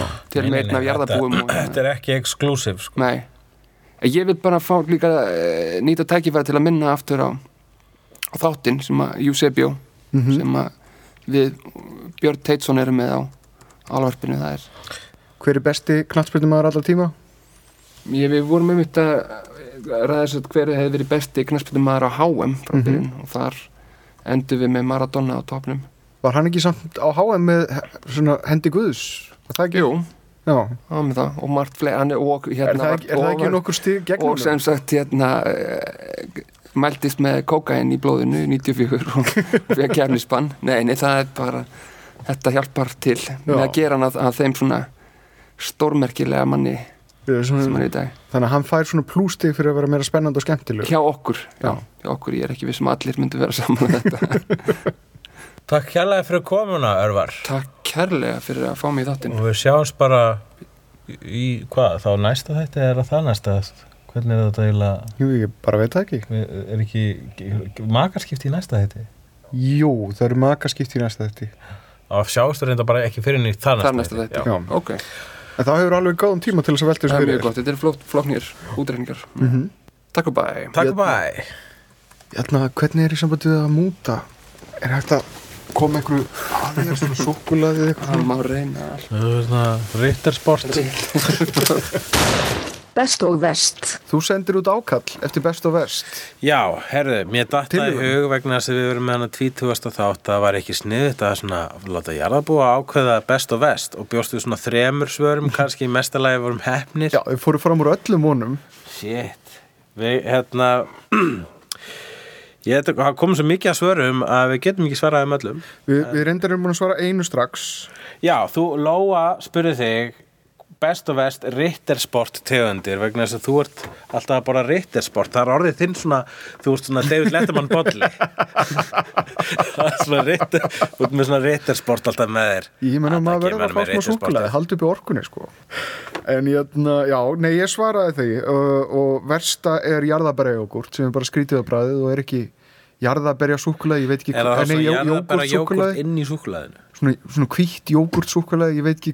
hvort, hvað það er eiginlega jógurt súkulaði er oft vonbreiði og það er ekki súkulaði Nei. það er jógurt En best er kakóbúðingur Þannig að kakómús kakobúðingur Kakómús kakobús Þetta verður bara þá að föstum dagskrálið Best og vest verður byggt á tillögum frá jarðabúum já, Ef við kannski að taka fyrstu Fyrstu góða tillögu hérna já, Allra fyrsta tillögan sem kom inn var jötna, bestu og vestu leikir byggð, eða, kvi- kvikmyndir byggðar á tölvuleikjum já ég hef ekkert rosalega mikla svona vittnesku í þeim málum það er sko, það er þekkt og slæmt dæmi er eh, Super Mario Bros Já. og svo sá ég Doom sem ég fannst mjög léleg Ég held þú þurfir teknilega sé ekki að hafa spilað tölvuleikina til þess að hafa nei, eitthvað nei, ég samanbyrg geta heldur ekkert á því sko Þú getur alveg gengið út frá því hvað, er- hvað er bara virkilega slæm bíómynd. nei, nei, þetta er bara sama með bækur og, Já. og svoleiðis Það er reyndar í yfir þýrmyndi tilfella þá, er þetta, þá eru kvikmyndir byggðar á tölvuleikjum ykkur og hluta vegna mjög slæmar. hver eru góðar? Uh, mér finnst Resident Evil seríun ógstlega skemmtileg Já, já, algjörlega maður Mér finnst alveg 1, 2 og 3 alveg, mjög skemmtilega sko uh, ég reyndar spilaði aðalega Resident Evil 4 og, og það er engin tenging þar á milli sko Nei. uh, Það En er ekkert fyrst- þetta að horfa á þess að mynda sett með báðum augunum Þetta er bara slá fint til að hafa svona í gangi Já. ég er líka Milla Jovovits aðdáandi alveg Já. síðan Cuffs Leggur þú áherslunum sérst á setna vóið í Mila Jovovic ég bara, ég, ég hafði ekki hugsað út í það Já, þú gerðir Milla allar núna. Jovovich. Ég- Mila Milla Jovovic Jovovich Ég segir bara Mila Jovovic Já Ég veit ekki hvort er rétt Allavega Resident Evil Það er þarna atriði með geislunum Já, sem, Það er að- ósla töff. sem er svona köflóttu geisla sem fara gegnum fólk og dettur í bita Mhm. það er gott mm uh, en uh, Doom og var léleg og mér finnst, mér finnst það Super Mario mér þykir vænt um Super Mario Bros mér finnst mér nú alltaf gaman að horfa á hana hún er alveg, alveg drast en hún er bara ekkert leðileg hún er bara svona ótrúleg þetta er bara, skrí, þetta er bara skrítið sko. Mér, fin- Hún er bara ekki Super Mario Bros Hún er bara eitthvað já, ég, ég, er ekki, að seg- ég er ekki að rétt ég er ekki að segja að hún sé ekki sé góð Nei. ég er bara að segja að hún sé ógstlega skemmtileg Síðan hérna er Silent Hill Já, ég sá það ekki. Var það ekki Roger, Roger Avery? Avery sem gerir Pulp Fiction? sem skrifaði Pulp Fiction Já. Hann gerði reyndar eina mínum sem sagt, uh, ég, ég er mjög hrifin af hérna, myndinni Rules of Attraction Já, mér fast hún Það ég, ég veit ekki okkur en það er, þú veist, það er svo mikið af skemmtilegum svona kamerubrellum í henni Jú, hún er frábæra því leiti en svo dettur hún inn í eitthvað svona að sko mannvonskan í henni verður svo mikil að hún fer fram yfir eitthvað sko væntuþykju Já, og de, hún- þú verður ekki þú, fi- þið finnst allir vera hálfvitar í þessari mynd og þar að leiðandi þú veist, listin er geta sínt þú veist, blómið í skýtnum já listirinnar geta sínt uh, uh, manneskjuna inn í skrýmslinu Já, og ég það var eiginlega, urðu allir bara skrýmsli í lok þessara myndar Já, en það er náttúrulega kannski Brett Easton Ellis að kenna sem skrifaði bókina sem er þetta það er byggt á. bókin að kenna? Þetta er, þetta er náttúrulega sami maður að skrifa American Psycho sem Já. að skrifaði bókina ekkert svakalega mikil ást í honum Nei, og gerði þarna, hann skrifaði handritið að nýju í þarna Lindsay Lohan myndinni, The Canyons já, ok var ekki Paul Schrader sem að leikstir henni? Jú Það er áhugaverður, áhugaverður kokteill að mannvonsku þaraferð en það er ekki byrjað á te- á á tölvuleikjum Nei, Gra hvað er komið? telt upp myndir já, ég meina það er Lara Croft náttúrulega já, uh, hérna, Prince of Persia já Við erum með tvær íslensku tengingar þarna sko já, Gísli Öll Garðas í, í Prince of Persia og, og, og öðna, Ísland sem bakgrunnur í Lara Croft Tomb Raider síðan er það Max Payne sástu hana? nei, sá hann aldrei Eh, ég spilaði þann leik eitthvað um hann, smá Já, það var svona bullet time var gimmick í þeim leik já, uh, síðan náttúrulega er Doom eins og hann er draðan ég held að eina góða augnabliki í Doom er þegar að hann fer í first person shooter já, ef öll myndin hefur verið þannig það hefur Já. verið dásalegt uh, þegar hann fær hvað, hérna BFG, The Big Fucking Gun ég myndi segja best Resident Evil, verst svo fyrsta, svo versta Super Mario Bros. Erum við að fara í gegnum Já, herru, þú, þú verður nafngreina drengin Fannar Gunnarsson, best og verst kveikmynd gerði til töluleik Ok, það var hérna og hann er með fjögur læka það sko Já Be Magnús Björgvin Guðmundsson kom með best og verst Tim Burton já uh, best og verst Tim Burton, ég, höfum við ekki tekið það einhvern tíman? Ég heldur ekki að við fyrsta þættinu sem var aldrei fluttur á, ok Ka- Ég man ekkert hvað það segði þá Ég myndi segja uh, auðsvarað Það er hérna versta myndina um öllu með Planet of the Apes Það sjálfsögðu Hún er hræðileg Hún er Ah. Mikið bara rétt hjá mjög, þér. mjög, mjög slæm Það var fyrirfram svarið mitt mm. Besta myndin aftur á móti Ég er á milli Ed Wood og Sleepy Hollow og reynda Batman Returns Ég er eiginlega í Ed Wood Já, Og ég er á milli Ed Wood og Mars Attacks Já En þe- Við erum að velja sko tvær, ef ef- ef það er Planet of the Apes og Ed Wood, það eru tvær unburtonískustu Já. myndirnar og það er best og vest Hvað segir það okkur? Það þýðir endara bara Hann mætti fara á sínu komfortzónu oftar Algjörlega og, en ekki í Planet of the Apes átt það, ég veit það ekki ég held sko að stundum láti sko Tim Burton hérna, framleiðendur og, og stúdíón tuska sig svolítið til tuska s- svolítið með sig ég held að hann leifum þú veist, hann er ekki hann er ekki svona hérna, prakkari eins og Terry Gilliam sem að dansar kringum eldin og er bara svona haha og fer síðan sníki pening og síðan gerir bara eitthvað já, en uh, Tim Burton sko er, ha, ég held að hafa auðveldur að búlja hann já hann er viðkvæmur, hann er svona eins og Edward Scissorhands sko. það er ákveðin stöðnun í gangi hjá honum sem að mér finnst voðalega leðilegt vegna þess að hann kom svo, sem, sem svo fersku vindur já Já, hann, er- hann, þú veist, hann er stórkostlegur og það er ennþá, sín, ennþá sýnilegt í verkunum hans og mér finnst einmitt sko, einmitt uh, ókisla flott mynd þarna, þessi Vo- Alice in Wonderland, en mér fannst hún ókisla léleg já, og m- hún var, menn gallin var að hún var of börtunísk og það var eiginlega næstu gallin við líka kökuversmiðuna þarna já, hérna vil ég vonka Já, ég, mér finnst þetta Big Fish alveg merkilega leiðileg með Já, hvað, hún hún, er frekar hvað boring. er skemmtilegt í henni Það er bara mjög oft þannig að það er rosalega flott svona málverk, flott skot inn í myndinu, mynduna hans. það er rosalega bara beautiful og svo kemur bara eitthvað sögutráður og eitthvað, eitthvað svona bara eitthvað Hollywood og eðilegur hvað er hipster og krukkan hann er hér ah, hérna þetta gamli vinur ég hef þarna vinur já, En ég, ég tek- ég veist þetta mjög góð niðurstaða Tvær bör, önn Burtonískustu Tim Burton myndunar eru besta og versta myndunars Ed Wood og Planet of the Apes Jep Flott. Uh, Ómar Hauksson með best og vest, leikrit sem hugleikur hefur skrifað og þættir sem ævar hefur skrifað. Ef ekki frekar að bara gera sko hérna, allan katalógin okkar og versta sem ég hef gert og versta sem þú hef gert vegna sem ég takra, takmarka með, með leikriti mín versus alla sjóðstættina þína Já, já. Ekki? Ég get samt alveg nefnt versta leikritið Já, já, þú veist Það er ekki, það, það er ekki áhyggjum mínar og Ég er að það er segja- það sem mér finnst vest. Sko. Já, ég vil bara að þú getur líka sagt hérna hvað er versta, þú veist, ef, að- ef þið finnst kannski ein bók, eina bókum mínum verri en versta leikriti mitt. Já. Ég vil að hafa þér þann möguleika, ég er bara Ok, að gefa þér það. sko. ok. Svo lengi sem ég er með að dissa þínar kvikmyndir. Þú mátt það, því þú eru alveg full lefið til þess. ok, hvað en er það þessi leikrit hjá mér?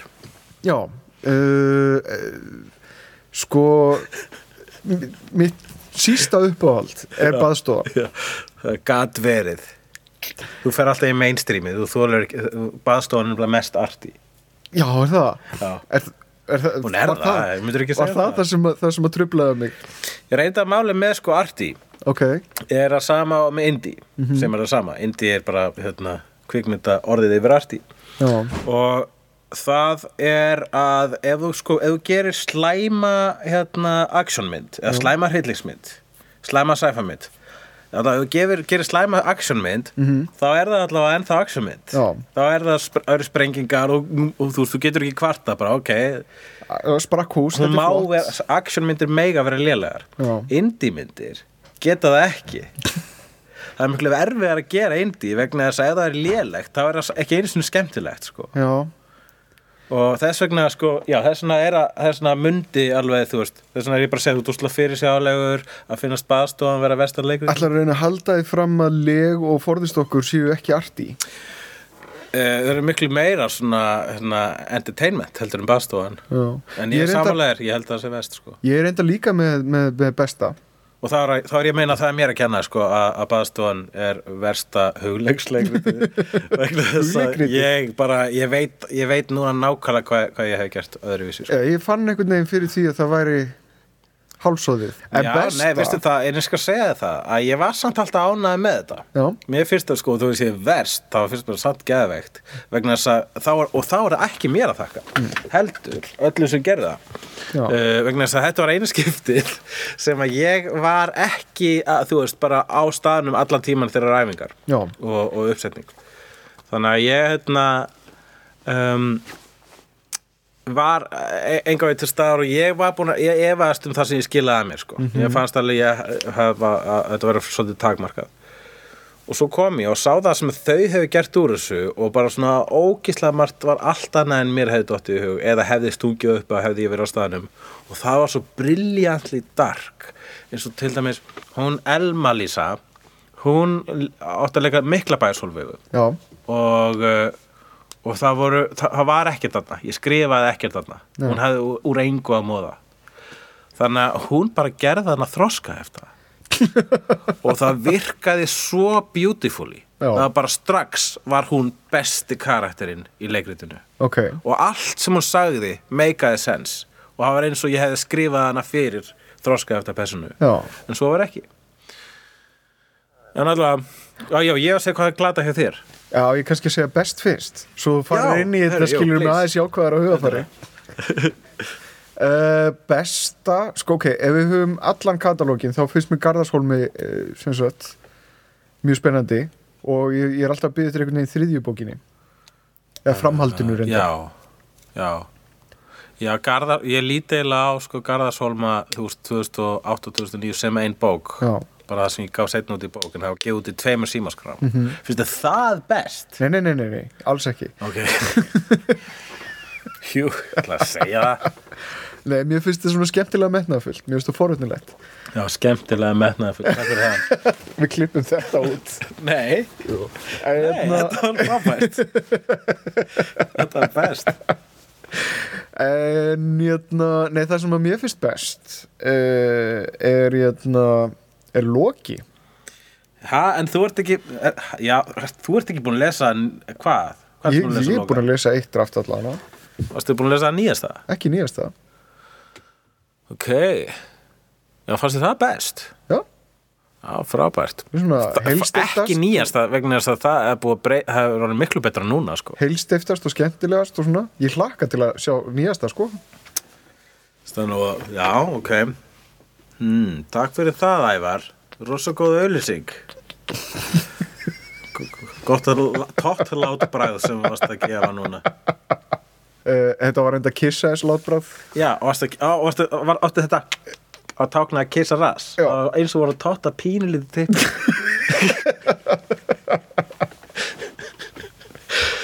Ok, takk fyrir það ég, eh, En ég segir, það sem þú last það er bara miklu verra en það sem er núna sko Mér finnst Já. það bara það sem þú last er drast En ég ætla að segja þér hvað er best og best við þig Og eh, pff, djöfulli maður Mér finnst þetta ekkert skemmtilega leikur jötna, uh, Jó, byrju ég, ég er samt, mér finnst það skemmtilega leikur Byrju, ok, þú varst með uh, hérna, já, varst í uh, var sjálfsögð með vaktinnar og Björn Finnarsson og Astropíu og heimsendi og uh, sketsaþætti, stelpunnar mm.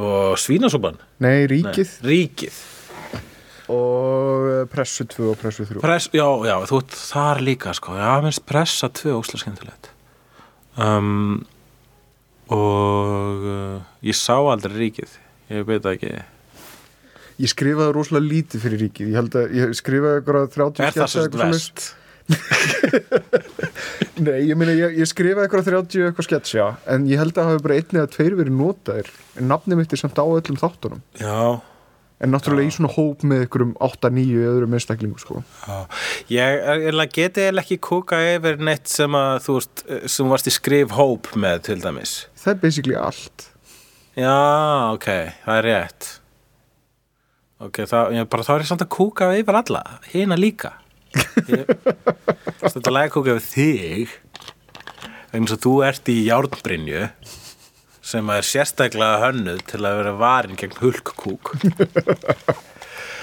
um, Já, ok Já, ég veistu það hérna, ég veit að astropía hefði geta árið miklu betri og ég veit að það eru miljón element sem gera kvikmyndir verra en það er átt að vera þannig að ég veit ekki hverjum það er að kenna og ég get ekki byrjað að giska en ég veit að inn í Astropíu bjó miklu skemmtilegri mynd og Já. ég var til að lesa handritið bara meiri peningar og, og, og tími Já, ætlaði það ekki verið það, peningar peningar, peningar, Peningar, Þetta er- snýst tjeningar. allt um peninga Nei, hand, já, ég skal láta þið fyrir handritið Já, Ef svo langar getið að lesa. skeitt mér að því uh, já, og var ég bara, það, það er það versta við þig Já. en það besta, aha það er veistu það að mér finnst að vera hérna mér finnst að vera dagvaktin já, Já. mér finnst að vera dagvaktin Það eru margir sem velja dagvættina sem Já. uppáhaldsvættina sína Það er svona það er drungalegasta vaktin Ég vil segja þessi ófyrirsjálegasta vaktin Hún var bara að fara hingað og þangað sko. Sögurþráðurinn var snákur Ok, Takk fyrir það best og best Ég er með, Já, hérna- ég er bíddu nú með hérna við. Gunnar Eyjólfsson með best og vest Kevin Bacon Það er rosaleg spurning sko okay. Maðurinn hefur náttúrulega gert allt Já. Ég veit, ég, ég, ég svona það er Verst Wild Things Já. uh, Best Allavega hann bestur Þó að myndin er ekki best Finnst mér í Hollow Man Þegar hann leikur ósynilega mannin í myndinans Paul Verhoeven sem er ekki besta sci-fi mynd Paul Verhoevens áhugavert val en hann sjálfur le- er frábær í henni Já, sko fyrstu sem mér dettur í hug eru hérna ah, hann lék í hérna RIPT, R.I.P.D. myndinni hérna Já, það er satt bara eitthvað lítið hlutverk vantilega. Nei, hann leikur aðal vondakallin Já, það, Já. ég þarf að sjá þá mynd og hérna svo myndi bara svo hræðilega slæm útgáf af mennin Black þótt að hann náttúrulega, hann, hann er ógislega skemmtilegur endur í þessu hlutverki, þannig að það er erfitt að einhvern veginn að að álasa Við honum erum fyrir að tala lélega um mynd sko. hlutverkin, það ekki Það er hlutverkin hlutverkin sko ég meina, það er miklu auðveldur að velja uppáhalds vegna þess að hann er út um allt í uppáhalds hérna ég held að- að hérna, Willie O'Keefe í hérna, JFK það er ókslega flottur þar Ég sko myndi setja það upp á alls uh, hérna hann var frábær í Mr. Grifver um, Skulum bara telja upp það sem er best og verst dammit, það var einu önnum mynd Tremors, Tremors! You, you, we have a wiener besti Kevin Baconin er Já. Tremors, Kevin Baconin We have a wiener alveg 100% Og se, setjum hann efst og hérna, verstur er valþings Já. Ok, flott Ef að taka, prófa að taka einu viðbót einu viðbót Ok, nú má ég velja. Hérna er Jónas Reynir með fullt fullt. Jónas Reynir Gunnarsson er með fullt af spurningum. Hann er með bestu vestu andabæjarillmennin, bestu vestu kvikmyndatrílógiðunar, bestu vestu barnaefni úr æsku yðar, bestu vestu leikföng aksjónkallar eftir kvikmyndum slassmyndasögum. Um, bli, bli, bli, bli, bli. Þetta Já, er, ég- ég þetta er held- huge, þetta er, þetta er, þetta er ómargar svona bestu veistu kvikmynd og döðdægin hvað með að anda, neða ekki anda bara illmennin því ég er ekki nú, ég dætti bara í hug ykkur tvö, þrjú Gullífan, Hexia uh, Þú getur ekki farið í mikka músarill minnin eins og svartapjötur vegna þess að hann er ekki í andabæ já, come on Ég, ég, fer, ég, ég fer eftir Hvar- reglunni hvað er, er mikið ekki andabæ Ég ekki, ekki samkvæmt, ekki samkvæmt mínum skilgjönningum en í andris blöðunum er hann á stundum Habba babba ba Sko Ef þú skoðar hérna, ef þú skoðar Don Rosa og Karl Barks og aðalega Don Rosa þá er Mickey Mouse teiknimyndasaga í Andabæ sko, ertu að segja mér að það sé ekki eins og sama universi Nei. ok, það, nei Þetta eru, þetta eru ég hef myndasögur séð, ég hef séð Mickey myndasögur Mouse. í andris þar sem þeir hittast Já, já, það er bara einhverja sirpur og leiðindi skilur þú veist Nei, að það er ég sá þetta í blöðunum Í andres blöðunum sem að eru alltaf inn á hlölabátt það er bara ég viðurkenni ekki þessa höfunda Já, ok, þannig að bara Andabær fyrir mér er Karl Barks og Don Rosa hinnir eru bara Þú svona mátt búa til í þinni pretenders to the svona ein, title einföldu andabæja bólu en við erum að tala um bara Þetta er ekki andabæ einföld veruleika. andabæjabóla Þetta er Þú mátt búa í þinni fantasíu en við erum hérna að að tala um andabæ En hvað með bestu og verstu kvikmynd á döðdægin? Já, það er góð spurning Það er mjög góð spurning Sko, ok, ég er með það Besta er Alien 3 Theatrical Release þegar að Ripley stekkur í eldpittin og á leiðinni niður springur geimveran út úr bringunni hennar, drottningin Já, og hún heldur utan um drottninguna og drepur sig með þessu barni sínu já, flottasti döðdagi í kvikmyndum ever var um, því miður vantaði geimveruna í hérna, Directors Cut -hmm. en versta er hérna í Star Trek Generations já þegar að uh, Captain Kirk deyr ég, ég tek undir það, þetta er hræðilegt alveg hræðilegt döðdagi það uh, bara, þú veist, eftir alla þessa sögu hann á búin að vera í sjóastáttum og bíómyndum, leikandi þennan karakter og hvernig deyr hann? það kemur sprenging og brúin sem hann stendur á fíkur ekkert og hann meðir sig og deyr það er svolítið svona bla já, eh, mjög mikið bla já og sérstaklega fyrir jafn mikilvæðan og stóran karakter og Kirk er þess vegna er nú það, það er eiginlega sko sá kindill sem að nýju körk hann Chris Pine ber er það að hann hefur núna áberðina já, að eitthvað tíman í sögu tímans þar hann hann að deyja rétt Já. svo að hann getur átt almennlegan döðdaga ég hefna hugurinn hjá mér fór einhvern veginn strax í svona myndir eins og Hard Ticket to Hawaii svona frisbee döðin og eitthvað svona frisbee döðin það, það er bara svo skemmtilegt að Já. ég get ekki kallað slæman döð nei, ég, ég hefði sett, ég held þú varst að tala um besta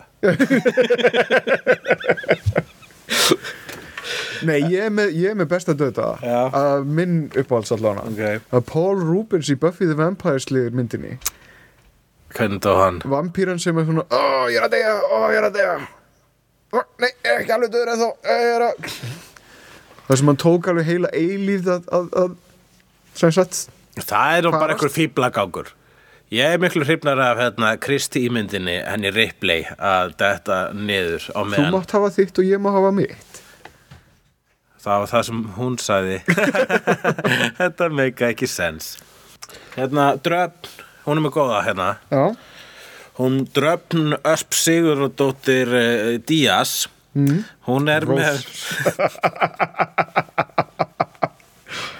sjátt átt með Hún er með best vest hérna konu superhetjur já, uh, sem er fyrst frábært ég, ég hefur nú ekkert falið í félur með ást mína á Spider-Woman ég held að það sé engin önnur kona sem kemst aðstundum en uh, hún er svona upp já, ég veistu það, ég held bara vegna þess að ég er búin að tala svo oft um það þá ætli ég að fara kannski að velja eitthvað fram fyrir hana og eina af þeim gæti verið hérna, Emma Frost Mhm. sem er frábær vegna þess að hún er svo mikið bitch ok, og þar að leiðandi er hún aldrei leiðilega persóna já, uh, hún er líka sexy bitch sem að gera henni svona ekstra aðtiklisverða ef maður skildi hafa áhuga á svoleiðis mhm uh, og hún er líka með flókna sögu og, uh, og hérna bara, já þa- þar sem hún er, er sagan aldrei leiðileg já, hún gerir að- meira þess að lé- lélegir höfundar get ekki skrifað hana illa mhm náttúrulega með flott power sem er það að hún er uh, uh, basically eins og hún er hérna getur lesið huga já, og jafnvel stjórnaði þeim. Jú, hún getur stjórnaði líka og, og svo hérna, kom nýtt power upp úr þurru í hana já, Ég þegar Grant Morrison byrjaði að skrifa hann í New X-Men þegar hann fekk, hún fekk hann eiginlega að geta uh, öðla- öðlaðist demantahúð já Eh, það var að sjálfsögur vel skrifað inn í söguna af Grant Morrison mm að fá nýtt power upp úr þurru óskilt fyrra pá- powerinu en þetta var eitthvað sem að, að hérna bara uh, gerðist í það var bara svona dormant power sem aktiveitaðist í neðartilviki mhm, en ef það bara hefði verið eitthvað svoleiðis útskýringi nýju X-Men myndinu hvað var að Kitty Pryde og nýju tímaferðalas power hennar þá var- hefði það bara verið ágætt ég skal bara ekki ræða það frekar þannig ég held ég segja Emma Frost best ok ok og þá en hún er ekki búin að vera nógu góð í bíómyndunum bæði við já, hún hún var ekki hún léli hún náttúrulega bara drasli í Wolverine myndinni en svo var hún bara uh, fílaði ekki alveg January Jones sem hana Nei, hún, svona, hún komst ekki alveg upp með bitchy hún var svona bara leiðinlega bitchy já hún var Hún svolítið er svona ekki- frekja hún er ekki svona fun bitchy já hún var ekki já nú, það munur að vera bitch og frekja Já. um, Við getum látið þennan þarna þátt heita Við erum allir mér öndur með undirtitilinn Það er munur að vera bits og frekja En versta hvern ofurhetjan va- er hlýtur bara að vera stærri DSC eða ekki, er hann ekki stærri DSC Já, Veistu það Mér langar svolítið að skjóta niður sköpun hérna Neil Gaimans Angelu sem hann skapaði fyrir Spawn þegar hann var gestaskrifari í Spawn -hmm. og Spawn er uh, hérna, Púki er, er djöfull og um, og þá kom uh, hann með nýja hetju sem heit Angela og var engill og var óslega svona sexy engill -hmm. með bara svona, bara svona í bíkinni sem var búið til úr svona flöktandi borðum já, hún var svona eins og stöðu og ykkur venusar ímynd nema hún var rosalega svona svona hot ólíkt venus en hérna en hún var bara svolítið mjög mikið þessi hérna uh, þessi leiðilega klísi hérna, hérna eh, sterka kven ster, sterka kvenpersonan með sverð uh, hún allar sagði, "Ha- var ekkert meir en það það var einmitt þetta bara svona, já, svo lengi sem hún er með sverð, það gerir konu aðteglisverða uh, nú það sem að er, sagan hennar er svo að að Neil Gaiman, hann vildi meina að hann ætti hann að karakter já, vegna þess að hann var að skrifa fyrir m- f- image sem að gaf sig út fyrir að vera forlag sem virti eigur höfunda -hmm. og eignar að þú veist að, að sköpunaverk og og svo var þetta svona l- langt svona legal battle og og einhverjum hlutu vegna þá fór svona bara hún Angela út í eterinn og tilherði engu comics universi nema einhverja hluta vegna keifti Marvel per, keifti Marvel personuna um hafið daginn ykkur vínagreiði við hann við Neil Gaiman Var hann ekki að gera þarna hvað heita, 1606 eða eitthvað slis fyrir Marvel? Jú, að- það, ok, það make a sense En af hverju hann var að berjast svona mikið fyrir svona krappi karakter skilja ekki vegna þess að núna er hún orðin hluti af Marvel heiminum og er komin einhver svona bikini engit í Marvel heimin sem að lít, er með svona 90s hönnun líka Já, og og, og mér finnst það bara svona óþarfur og núna er einhvern svona tróðana inn í Marvel heiminn eftir að eru einhver svona tíma, tíma skekkju hérna, alheim stórslis í kjölfarsögunar Age of Ultron -hmm. þá allt í einu hérna, breyttist svona alheimurinn smá þetta var svona eins og svona DSA E Crisis þeir notuðu sérst Ultron söguna til þess að að laga svona ímislega atriði með Marvel heiminn og meðan það voru að því bættir Angela inn og þar leðandi er mér, finnst hún- hún er ekki velkomin fyrir mér og þess vegna setja ég hana sem verstu hetjuna mm -hmm. verstu hvern hetjan er Angela og besta er Emma Frost já Ég er að svona leggja svolítið heilinni bleiti um, Ég fór að hugsa svolítið um Jenny Sparks í Authority Jenny Sparks Spirit of Sorry, the 20th fyrirgefðu, hún er century. best ég gleymdi Jenny Spark Mér finnst hún svo awesome hún er best Ég held að, hún er besta hvern ofur hetjan já Ok, ok, útrætt og er, er, er, þú, en hvað er þú með verst? Ég er með, sko, ok, verstu Ég, ég er svolítið svona á þessari Angelilínu, sko Ég fór að hugsa, sko Það hefur alltaf trublað mig uh, Bl- The Black Cat í Spider-Man nei maður, hún er æði ég, Ég fíla búningin en mér- veit, og hún er náttúrulega bara rip-off af Catwoman Já, og hún er bara svolítið bla, bla.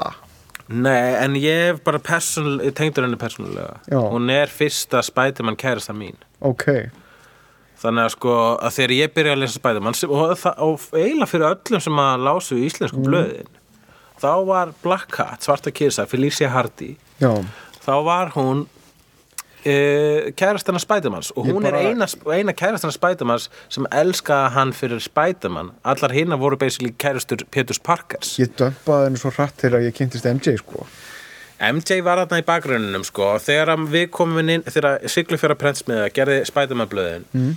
þá komum við svona eiginlega inn í söguna það sem eitthvað var að byrja að gerast milli eh, Spiderman og Ka- eh, eh, Black Cat Mhm. mm.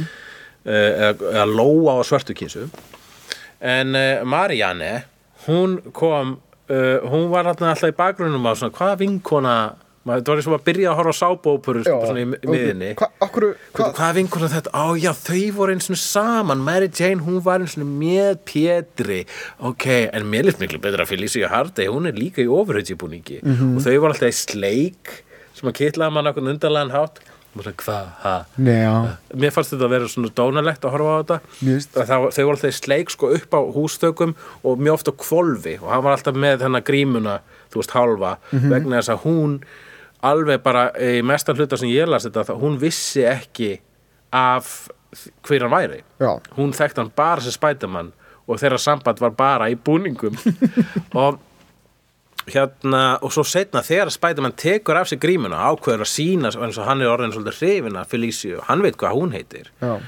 eh, og hann tekur þessu grímuna og hún fær svona skrítið svona vandræð þetta er mjög skemmtilegt aðtrið í myndarsönum hún fær svona vandræðilegt kast hún bara svona, já ok, já ok takk Pétur, ok viltu bara uh, um, plí, se, ok, neina setja bara á því grímuna setja bara aftur á því grímuna og hann gerir það svona vandræðilega, setja aftur þessu grímuna þá gjör breytust hún bara oh, Spiderman og fer í sleik við hann hún var, hún var sko, hafði engan áhuga á að kynnast, kynnast uh, komast að því hver var í baku grímuna já, Þannig að ég myndi segja að hún var og mér, að þi- að þessi The Black saga Cat- ein og sér gerir hana að merkjulegu karakter ég skildi þig, ég skildi þig Ok, já, ég, ég, ég skal draga í land með það uh, Supergirl Já, hefur ekki bara segið það hún er svo, hún er svo bara derivative, það, hún- það, það er svo lítið Já, í það- henni sjálfri Nei, bara konseptið Já Hún er einhvern veginn svona ljósrit á þess að setja eitthvað í hana sko Já, já, akkurat, hún þyrfti þá allavega að hafa verið, þú veist, eins og Spider-Woman, -hmm. hún er allt öðruvísi karakter að Spider-Man, hún er allt öðruvísi sögu, hún er öfuga sögu, hún Þetta er er bara- munaðleysingi, sko, Þetta er bara svona konuklón já, Spider-Woman er andstæða Spider-Mans í rauninni, en Supergirl er bara önnur góð stelpa, Já bara svona, þú veist, önnur góð manneskja. og Það hefði verið skemmtilega ef hún hefði haft meiri vít og, og svona gengið meira gegn Karl-El og, og verið aðeins meiri töffari Þú náður réttri lendingu í þetta skiptið, Ævar. Það er eh, Jenny Sparks og Supergirl sem eru best og vest ofur hetju kvenna.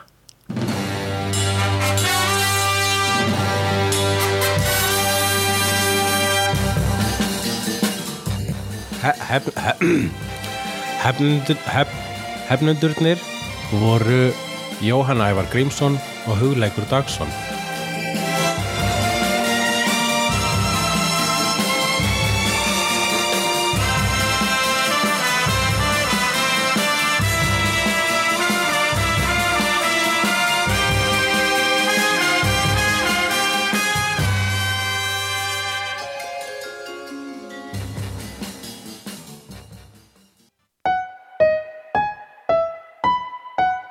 Takk fyrir að hlusta.